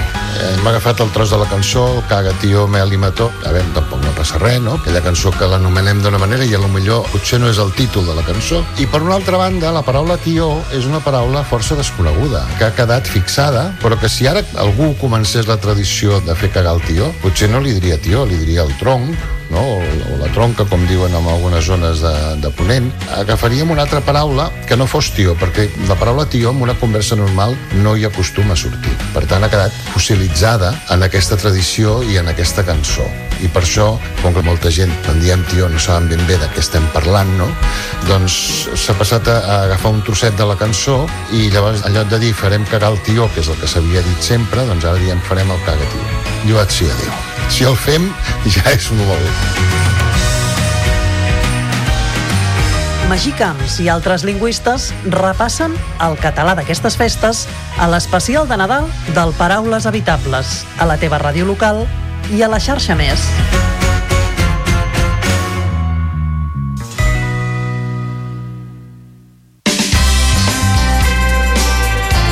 La xarxa de comunicació local.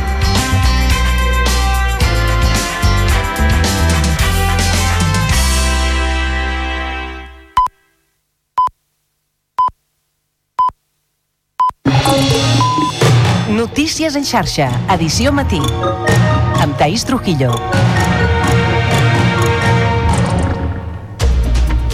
Bon dia, són dos quarts de nou del matí i avui al Notícies en xarxa us estem explicant que se celebra aquest dijous la primera reunió entre el president de la Generalitat, Pere Aragonès, i el president del govern espanyol, Pedro Sánchez, després que PSOE i Esquerra tanquessin l'acord per la investidura del líder socialista. La reunió serà aquest migdia al Palau de la Generalitat i sobre la taula hi ha temes com ara la llei d'amnistia, el traspàs de Rodalies o el finançament de Catalunya. La trobada es produirà la setmana que Sánchez anuncia reunions amb Junqueras i amb Puigdemont i un dia abans que el president del govern espanyol es trobi amb el líder de l'oposició, el popular Alberto Núñez Feijóo. També us estem explicant que els europarlamentaris que han visitat Catalunya per analitzar la immersió lingüística qualifiquen el problema de problema que els pares que vulguin el 25% de classes en castellà hagin d'acudir individualment als tribunals. Esquerra Republicana demanarà al Parlament Europeu els costos de la missió.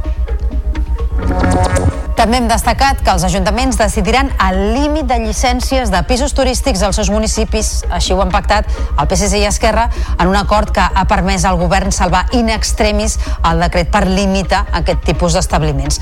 Finalment, el marc regulador se circumscriu als 140 municipis ja estipulats amb mercat a vivenda tensionat i ha desaparegut el topall de 10 pisos turístics per cada 100 habitants que es preveia inicialment. I d'aquí a uns minuts parlarem al Notícies en xarxa amb Ona Lorda, que és la responsable de polítiques d'infància de Save the Children Catalunya. L'ONG ha presentat un informe amb dades preocupants, com ara que 7 de cada 10 famílies amb pocs recursos s'han vist obligades a reduir el consum de productes bàsics per l'impacte de la inflació. És un fet que provoca malnutrició en els infants. I també us hem explicat que els camions tenen prohibit passar pel viaducte d'Ossomort a l'eix transversal perquè la Generalitat ha detectat un problema estructural. A banda de restringir el pas de camions des d'ahir a la tarda, la resta de vehicles han de reduir la velocitat i només poden circular per un carril. Volem conèixer com afecta aquesta nova situació a la circulació en aquest tram i per això d'aquí a uns minuts connectarem en directe amb aquest punt amb els companys eh, del Nou TV. I en esports us expliquem que el Barça tanca el 2023 a la Lliga amb una victòria per 3 a 2 sobre l'Almeria després d'una primera part inacceptable segons Xavi Hernández. Sergi Roberto va ser el principal artífex del triomf amb dos gols.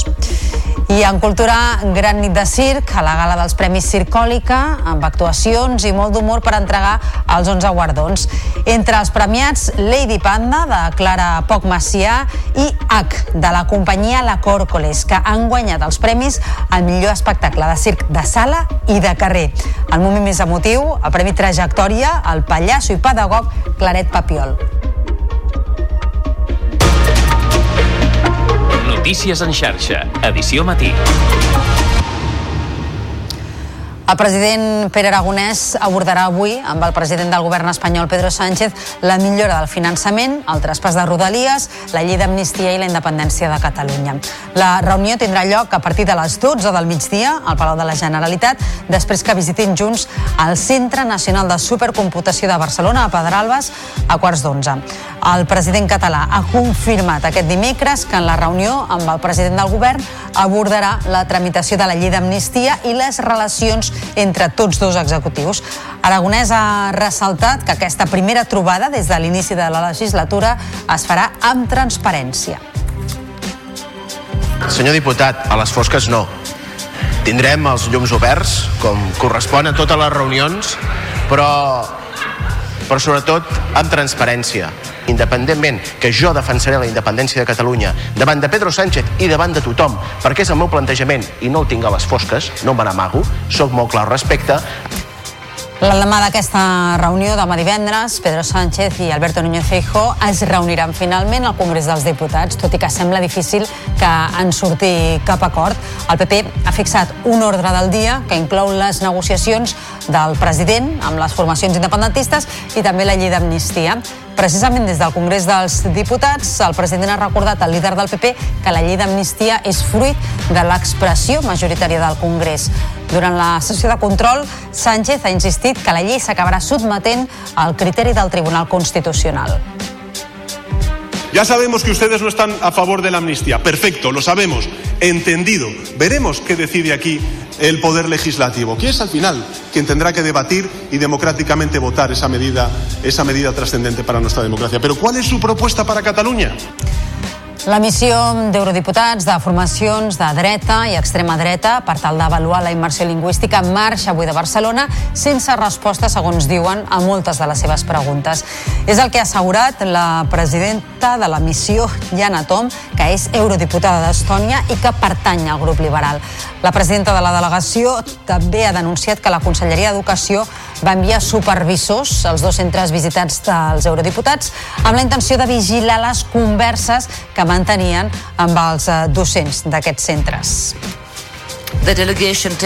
La delegació pren l'intercanvi de punts de vista de les escoles amb certa reserva, atès que els professors i els directors de les dues escoles que van visitar van parlar sota la supervisió de representants de la Conselleria d'Educació, que van prendre la paraula per aclarir el que ens deien els directors, i en algun cas fins i tot van parlar en nom dels directors. Això obstaculitzava l'intercanvi lliure d'opinions.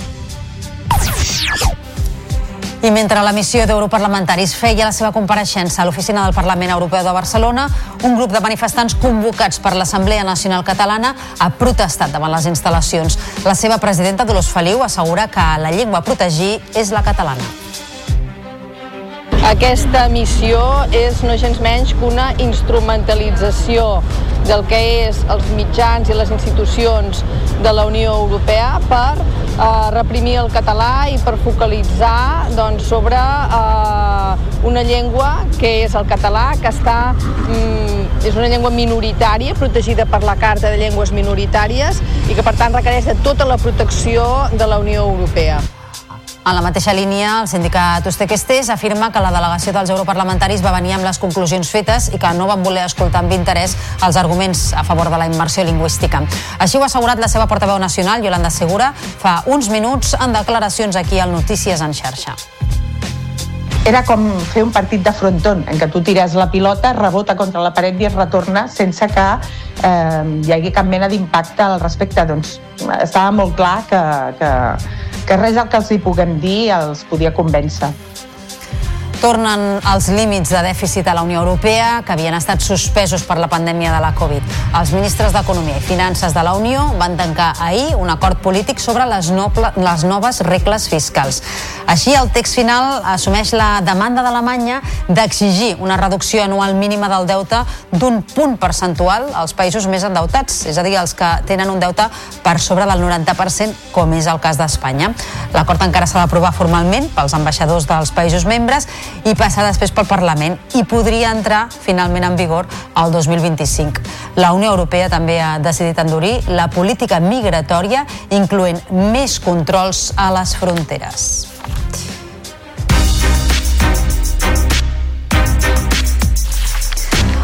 El vicerrector de la Universitat de Barcelona, Jordi Mates, ha presentat la seva renúncia al càrrec després que s'ha conegut un presumpte cas d'assetjament sexual a una alumna a la qual li anava a dirigir el treball de final de grau.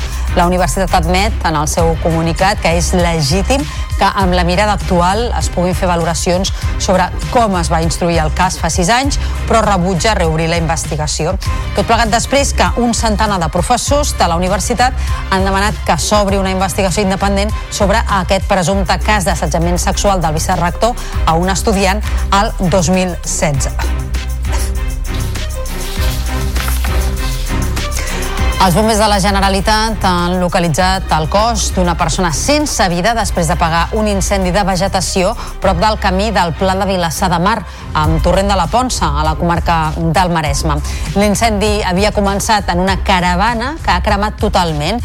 El foc també s'ha propagat a la vegetació del voltant, afectant uns 400 metres quadrats.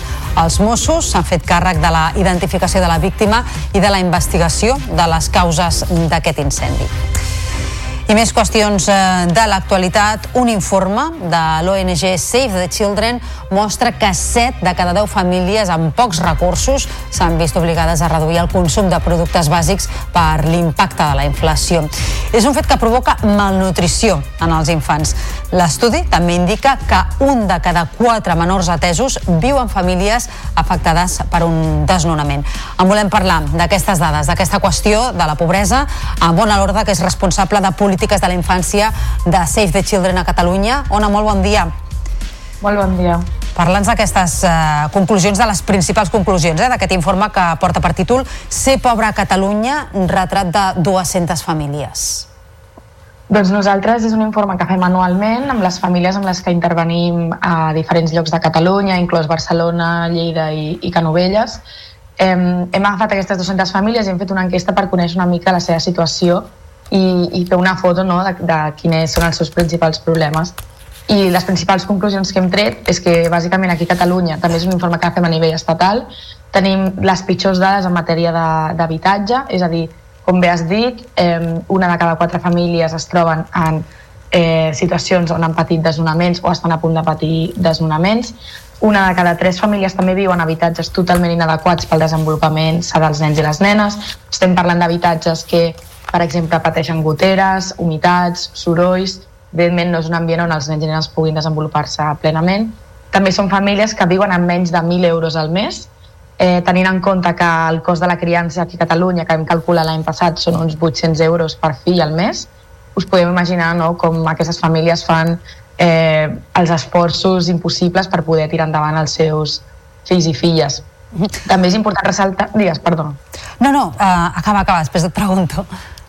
No, que també és important ressaltar que totes aquestes famílies, eh, la, la majoria no, treballen, eh, però sí que és veritat que són treballs parcialitzats i amb molt precaris que no, ajuden a que aquestes famílies surtin d'aquesta pobresa. Uh -huh.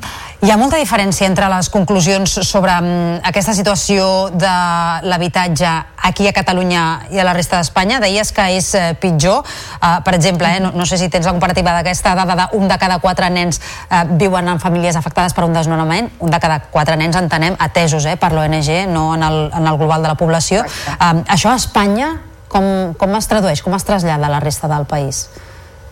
Doncs, bueno, no són, les, són dades més baixes en comparació aquí a Catalunya. Aquí realment destaca justament aquesta dada, com bé has dit, són les famílies que atenem, és a dir, no es pot extrapolar aquesta dada tota la situació actual dels nens i nenes a Catalunya, però sí que és un indicador molt clar de com és la situació de les famílies més vulnerables que es troben aquí a Catalunya perquè nosaltres doncs, intervenim no, amb les famílies que són derivades dels serveis socials. Uh -huh. I sí. I a què atribuïu aquesta situació tan greu o, o, o més greu uh, aquí a Catalunya? És perquè el preu de l'habitatge és molt superior? Sí, aquesta és una de les raons. Com, com bé sabem, per exemple, a Barcelona tenim els preus dels lloguers més alts de tot, de tot l'Estat. També no s'han fet suficients esforços a nivell polític no? doncs per ampliar el parc de lloguer social. Actualment a Catalunya tenim un 1,7% de, de parc d'habitatge públic, molt lluny de lo que és la mitjana europea, que són un 9 o 10%, per la qual cosa doncs, les famílies no es veuen abocades a escollir entre pagar el lloguer amb els preus que hi ha o dedicar aquests diners a altres coses que també són essencials pel desenvolupament dels nens i les nenes, com és una alimentació saludable, per la qual cosa doncs, els nens i nenes no poden consumir la ració diària de fruita i verdura o de proteïna, de carn, que és necessària per al seu desenvolupament. Uh -huh. Un cop feta aquesta fotografia anual, eh, quines propostes feu a les administracions per mirar de, de pal·liar aquesta situació? Uh -huh. Nosaltres doncs, proposem recomanacions a, a diversos nivells, per exemple, a nivell d'habitatge, evidentment és important no? poder ampliar aquest part d'habitatge social, doncs també la construcció de nous habitatges, però també els convenis amb, per exemple, el Sareb, també doncs, prioritzar que aquestes famílies puguin entrar en el que és l'habitatge social de forma prioritària, no? les famílies amb nens i nenes, i també doncs, a acompanyar les famílies en tots els desnonaments que hi pugui haver-hi mitjançant doncs, l'assessorament i també l'acompanyament terapèutic.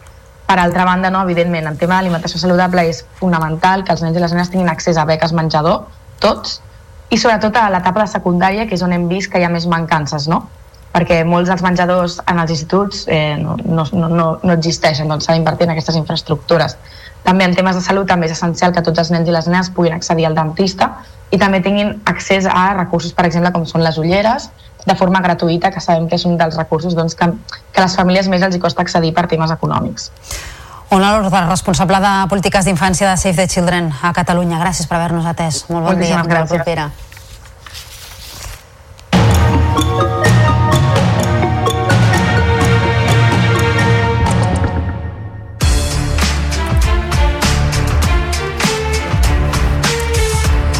Finalment desapareix el topall previst imposar als pisos turístics i seran els ajuntaments els encarregats de decidir si cal aplicar un màxim a cada poble o ciutat. Aquest és l'acord in extremis al qual s'ha arribat amb el PSC perquè el govern pugui convalidar al Parlament el decret que vol regular aquest sector. Busquem reaccions, establim ara connexió amb Pere Granados, que és l'alcalde de Salou i també el president del Patronat Municipal de Turisme. Senyor Granados, molt bon dia. Ah, molt bon dia a tothom. Vostès ja van manifestar el seu rebuig a la proposta inicial d'aquest eh, decret que vol regular els pisos turístics. Ara amb aquestes modificacions que s'han fet, que de seguida comentarem, um, el satisfà més el decret o el satisfà totalment aquest projecte? A veure, eh, nosaltres en, en, en principi estem molt contents perquè evidentment, i vostè ho acaba de dir en la seva introducció d'aquest tema, aquí el que ha guanyat és, eh, en aquest cas, el municipalisme, l'autonomia local, que era el que nosaltres eh, veníem reivindicant i reclamant, perquè el que no es pot ser és que ser a tothom, a, a tota Catalunya, a tots els municipis, doncs es tracta de la mateixa manera. No és igual Salou que Barcelona, no és igual l'escala que Barcelona, és a dir, i semblava que era un decret fet per Barcelona només, sense tenir en compte aquestes particularitats. Hem de tenir en compte que en, el, en els municipis turístics, perquè Barcelona rep molts turistes, però no és un municipi turístic com qualsevol, qualsevol altra ciutat, diguem-ne, capital de, de les províncies. No? eh, tenen una característica morfològica, urbanística molt diferent a la nostra. No? Hi ha eh, municipis més petits que nosaltres que no tenen infraestructures hoteleres i, per tant, només viuen del turisme que els visiten els apartaments. Clar, això era carregar-se tota una economia a banda d'aquesta invasió directa a lo que és l'autonomia local, l'autonomia municipal. Per tant, nosaltres estem contents d'aquest, eh, diguem-ne, gir que ha fet gràcies a la intervenció del Partit Socialista, perquè a més és la tendència que tindran pràcticament tota la regulació. Jo he estat a Canàries amb un fòrum internacional de, de turisme i vaig parlar amb la nova consellera aquí de turisme de les Illes Canàries i evidentment ells també regularan perquè els sud s'han de regular, però sempre, sempre protegint en aquest cas l'autonomia local, respectant l'autonomia local, que és el que nosaltres aquí veiem que no es feia, que era una introducció directa i un atac directe al que nosaltres volem ser com a municipis, aquest dret que tenim a decidir, perquè en definitiva nosaltres som càrrecs electes que ens escolleixen els ciutadans i ciutadanes de, la nostra respectiu, de nostres respectius municipis i per tant ens escolleixen per tirar cap endavant el model que nosaltres volem. No? Uh -huh. I això era una ingerència, insisteixo, que es carregava tota una economia amb el mal que fa de destrucció de llocs de treball, etc. Uh -huh. Com afecta uh, aquests canvis eh? en el decret a la demarcació de Tarragona i en concret al municipi de Salou? Bé, en aquest sentit, aquí eh, es presentava eh, la possibilitat de destruir 4.100 eh, apartaments turístics, nosaltres en tenim 7.100, per tant, més de més del, de la meitat del que nosaltres aquí eh, tenim i això era veritablement un desgavell i un mal molt important per a la nostra economia. A més a més, heu de pensar una cosa, que totes aquestes persones que eh, decideixen d'anar a un apartament o a un càmping, a un hotel, els hi costa molt de canviar del model, perquè volen anar a l'apartament perquè tenen una sèrie d'avantatges que no tenen en altres establiments, com per exemple la intimitat. Hi ha gent que vol estar amb la seva família esmorzant, sopant o dinar amb una, amb un, amb una qüestió, diguem-ne, de privacitat i no cal que es barregen amb tantíssimes persones. No? Per tant, és un model també escollit. I aquestes persones i aquesta destrucció de UTS que es pretenia per part del govern amb aquest decret, resulta que el que fèiem era el següent, traslladem això a una hora més d'aquí que és cap a la comunitat valenciana. Per tant, ja està bé de destruir tota l'economia d'aquest país. Pere Granados, alcalde de Salou i president del Patronat Municipal de Turisme, gràcies per haver-nos atès aquest matí al Notícies en xarxa. Fins a la propera. Molt bon dia. Bé, moltes gràcies a tothom. Bon dia a tothom. Notícies en xarxa. Tota la informació al teu abast.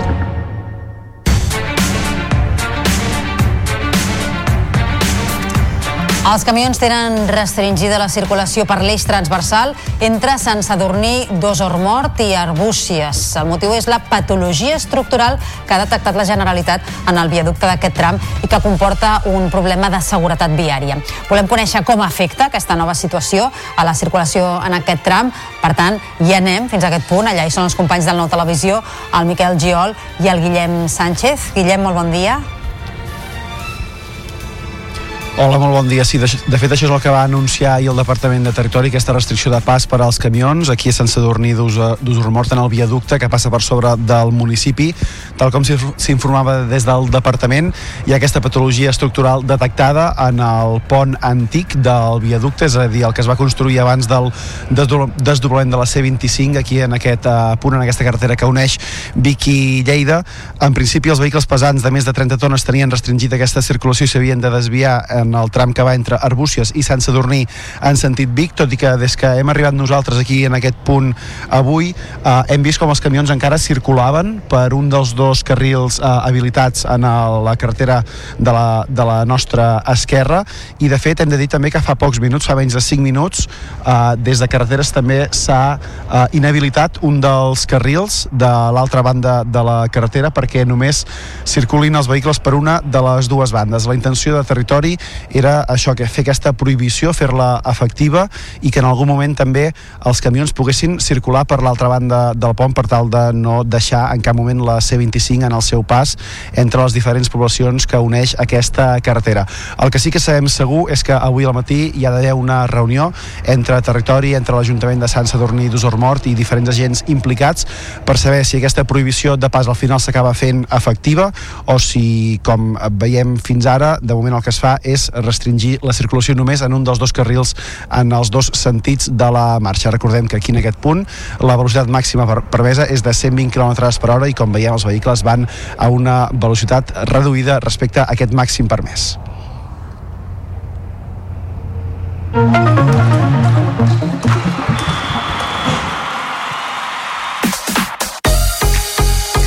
Falten ara 9 minuts perquè siguin les 9 en punt del matí. Aquí al Notícies en xarxa repassem tota l'actualitat esportiva. Cristina, molt bon dia. El Barça tanca l'any amb victòria, però amb deures per fer.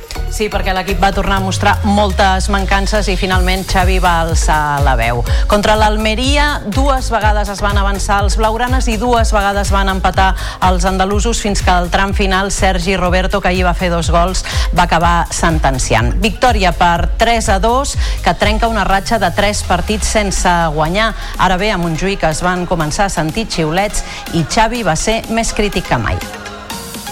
La primera part, en aquest sentit, és inacceptable. Els he dit al descans. Crec que no és acceptable la intensitat ni l'agressivitat. Així no robarem cap pilota.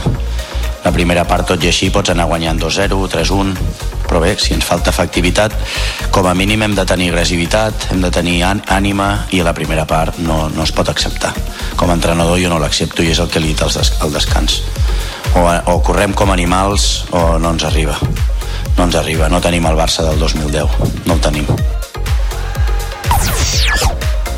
Avui serà el torn del Girona, que juga a les 7 de la tarda al camp del Betis. L'equip de Mitchell vol sumar una nova victòria que li permeti tancar l'any com a líder de primera. Per fer-ho haurà de vèncer un rival de categoria europea com és el Betis, aquí ara mateix però avantatge en 17 punts. El tècnic posa en valor el paper que estan fent aquesta temporada. El Betis està fent una temporada molt bona que porta 12 o 13 partits eh, sense perdre, sense perdre. Que nosaltres en, est, estem fent eh, bueno, una puntuació espectacular. Bueno, de, de, de guanyar la Liga però hem de continuar a la Lliga de Campiones, el Barça rep a les 9 de la nit el Rosengar suec en partit de la quarta jornada i amb totes les entrades venudes al Johan Cruyff. Les blaugranes són líders de grup en ple de victòries. De fet, fa una setmana ja van guanyar les sueques per un contundent 0 a 6. Jonathan Giraldez, que tornarà a recórrer jugadores del filial, pot aconseguir la victòria número 100 com a entrenador del Barça. En bàsquet, el triomf del Joventut de Badalona a l'Eurocup masculina va superar el Vilnius per 79 a 94 i fa un pas més per consolidar-se a la zona de play-off amb la setena victòria seguida. I a l'Eurocup femenina, l'Espar Girona i Cadí la Seu s'enfrontaran als vuitens de final. Les gironines tenien 12 punts d'avantatge de l'anada a Hongria i també han guanyat la, la tornada de 12 a Fontejau. 63 a 51 contra el Sexart. L'Uni, però, no es vaeix dubtes en el primer partit sense Laura Antoja i amb Jordi Sargatà Nadal com a tècnic provisional contra un rival notablement inferior.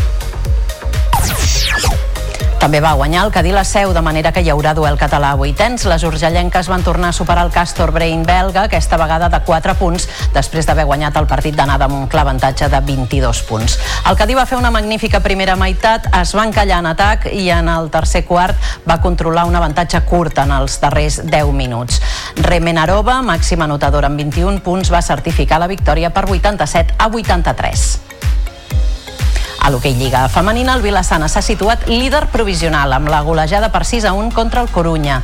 Victòria contundent de l'equip del Pla d'Urgell que ocupa la primera plaça a l'espera de la resta de la jornada que es disputarà dissabte. L'entrenador Luis Lluís Rodero no pot oblidar la derrota a Fraga.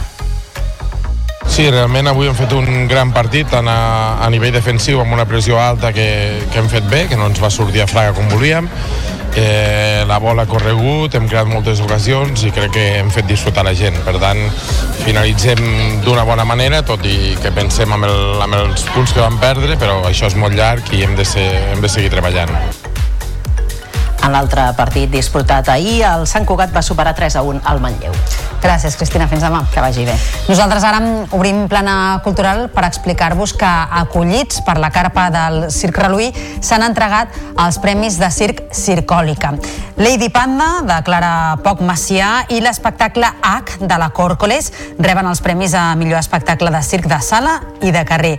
Amb actuacions i música en directe durant la gala també s'han premiat fins a 11 espectacles i artistes, entre ells gaudirem com a millor espectacle de carpa i èxit de Juan Carlos Panduro com a millor número de circ. El Premi Trajectòria, el pallasso i pedagog, ja s'havia anunciat que seria per a Claret Papiol, que el recollia amb una reivindicació. Vull reivindicar la cultura i la cultura d'autor davant de la cultura mediàtica els, els pics d'audiència l'art és molt més que això. Endavant amb la cultura d'autor. Doncs així hem arribat al final del Notícies en xarxa d'aquest dijous 21 de desembre. Tornem demà amb més informació de territori. Que passin una molt bona jornada. Adeu.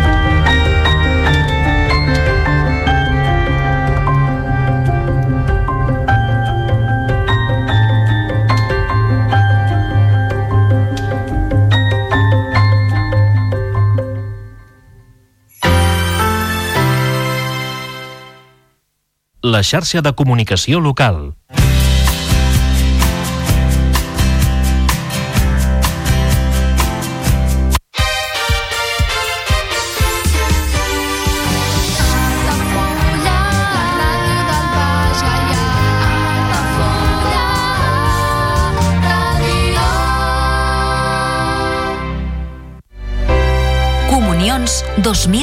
2024. Dates ja disponibles amb sales privades, jardí, pàrquing privat i la millor gastronomia. Més informació i reserves al 977 65 11 55 i a comercial arroba altafullamarotel.com o al web altafullamarotel.com. Les teves celebracions familiars a l'Altafulla Mar Hotel.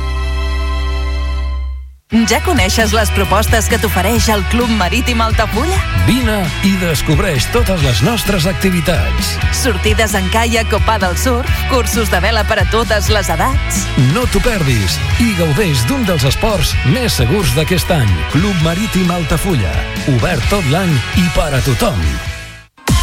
Carrer Major, el programa de les emissores del Camp de Tarragona. Cada dia de 4 a 6 de la tarda, el que passa al Camp de Tarragona t'ho expliquem amb la major redacció d'un programa de territori quilòmetre zero. Periodisme de proximitat, continguts de qualitat, amb Anna Plaza i Toni Mateos. Carrer Major. Al meu país la pluja no sap ploure. Canvi climàtic asseca els rius. Posa en risc l'abastament d'aigua i la producció d'aliments. Treballem per fer front a la sequera i garantir l'aigua, però cal l'esforç de tothom. Cada gota compte. La pluja no la controles, l'aixeta sí. Generalitat de Catalunya. Sempre endavant.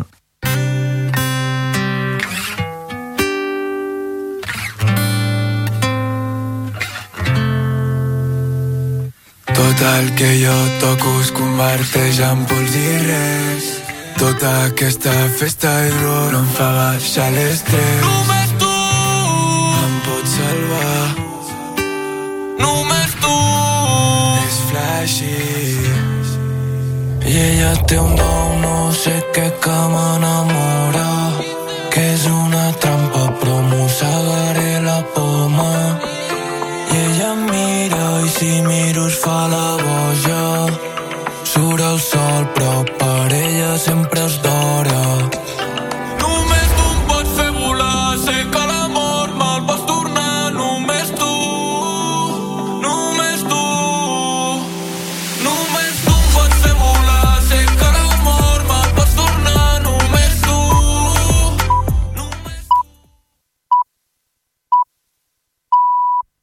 Són les 9 del matí.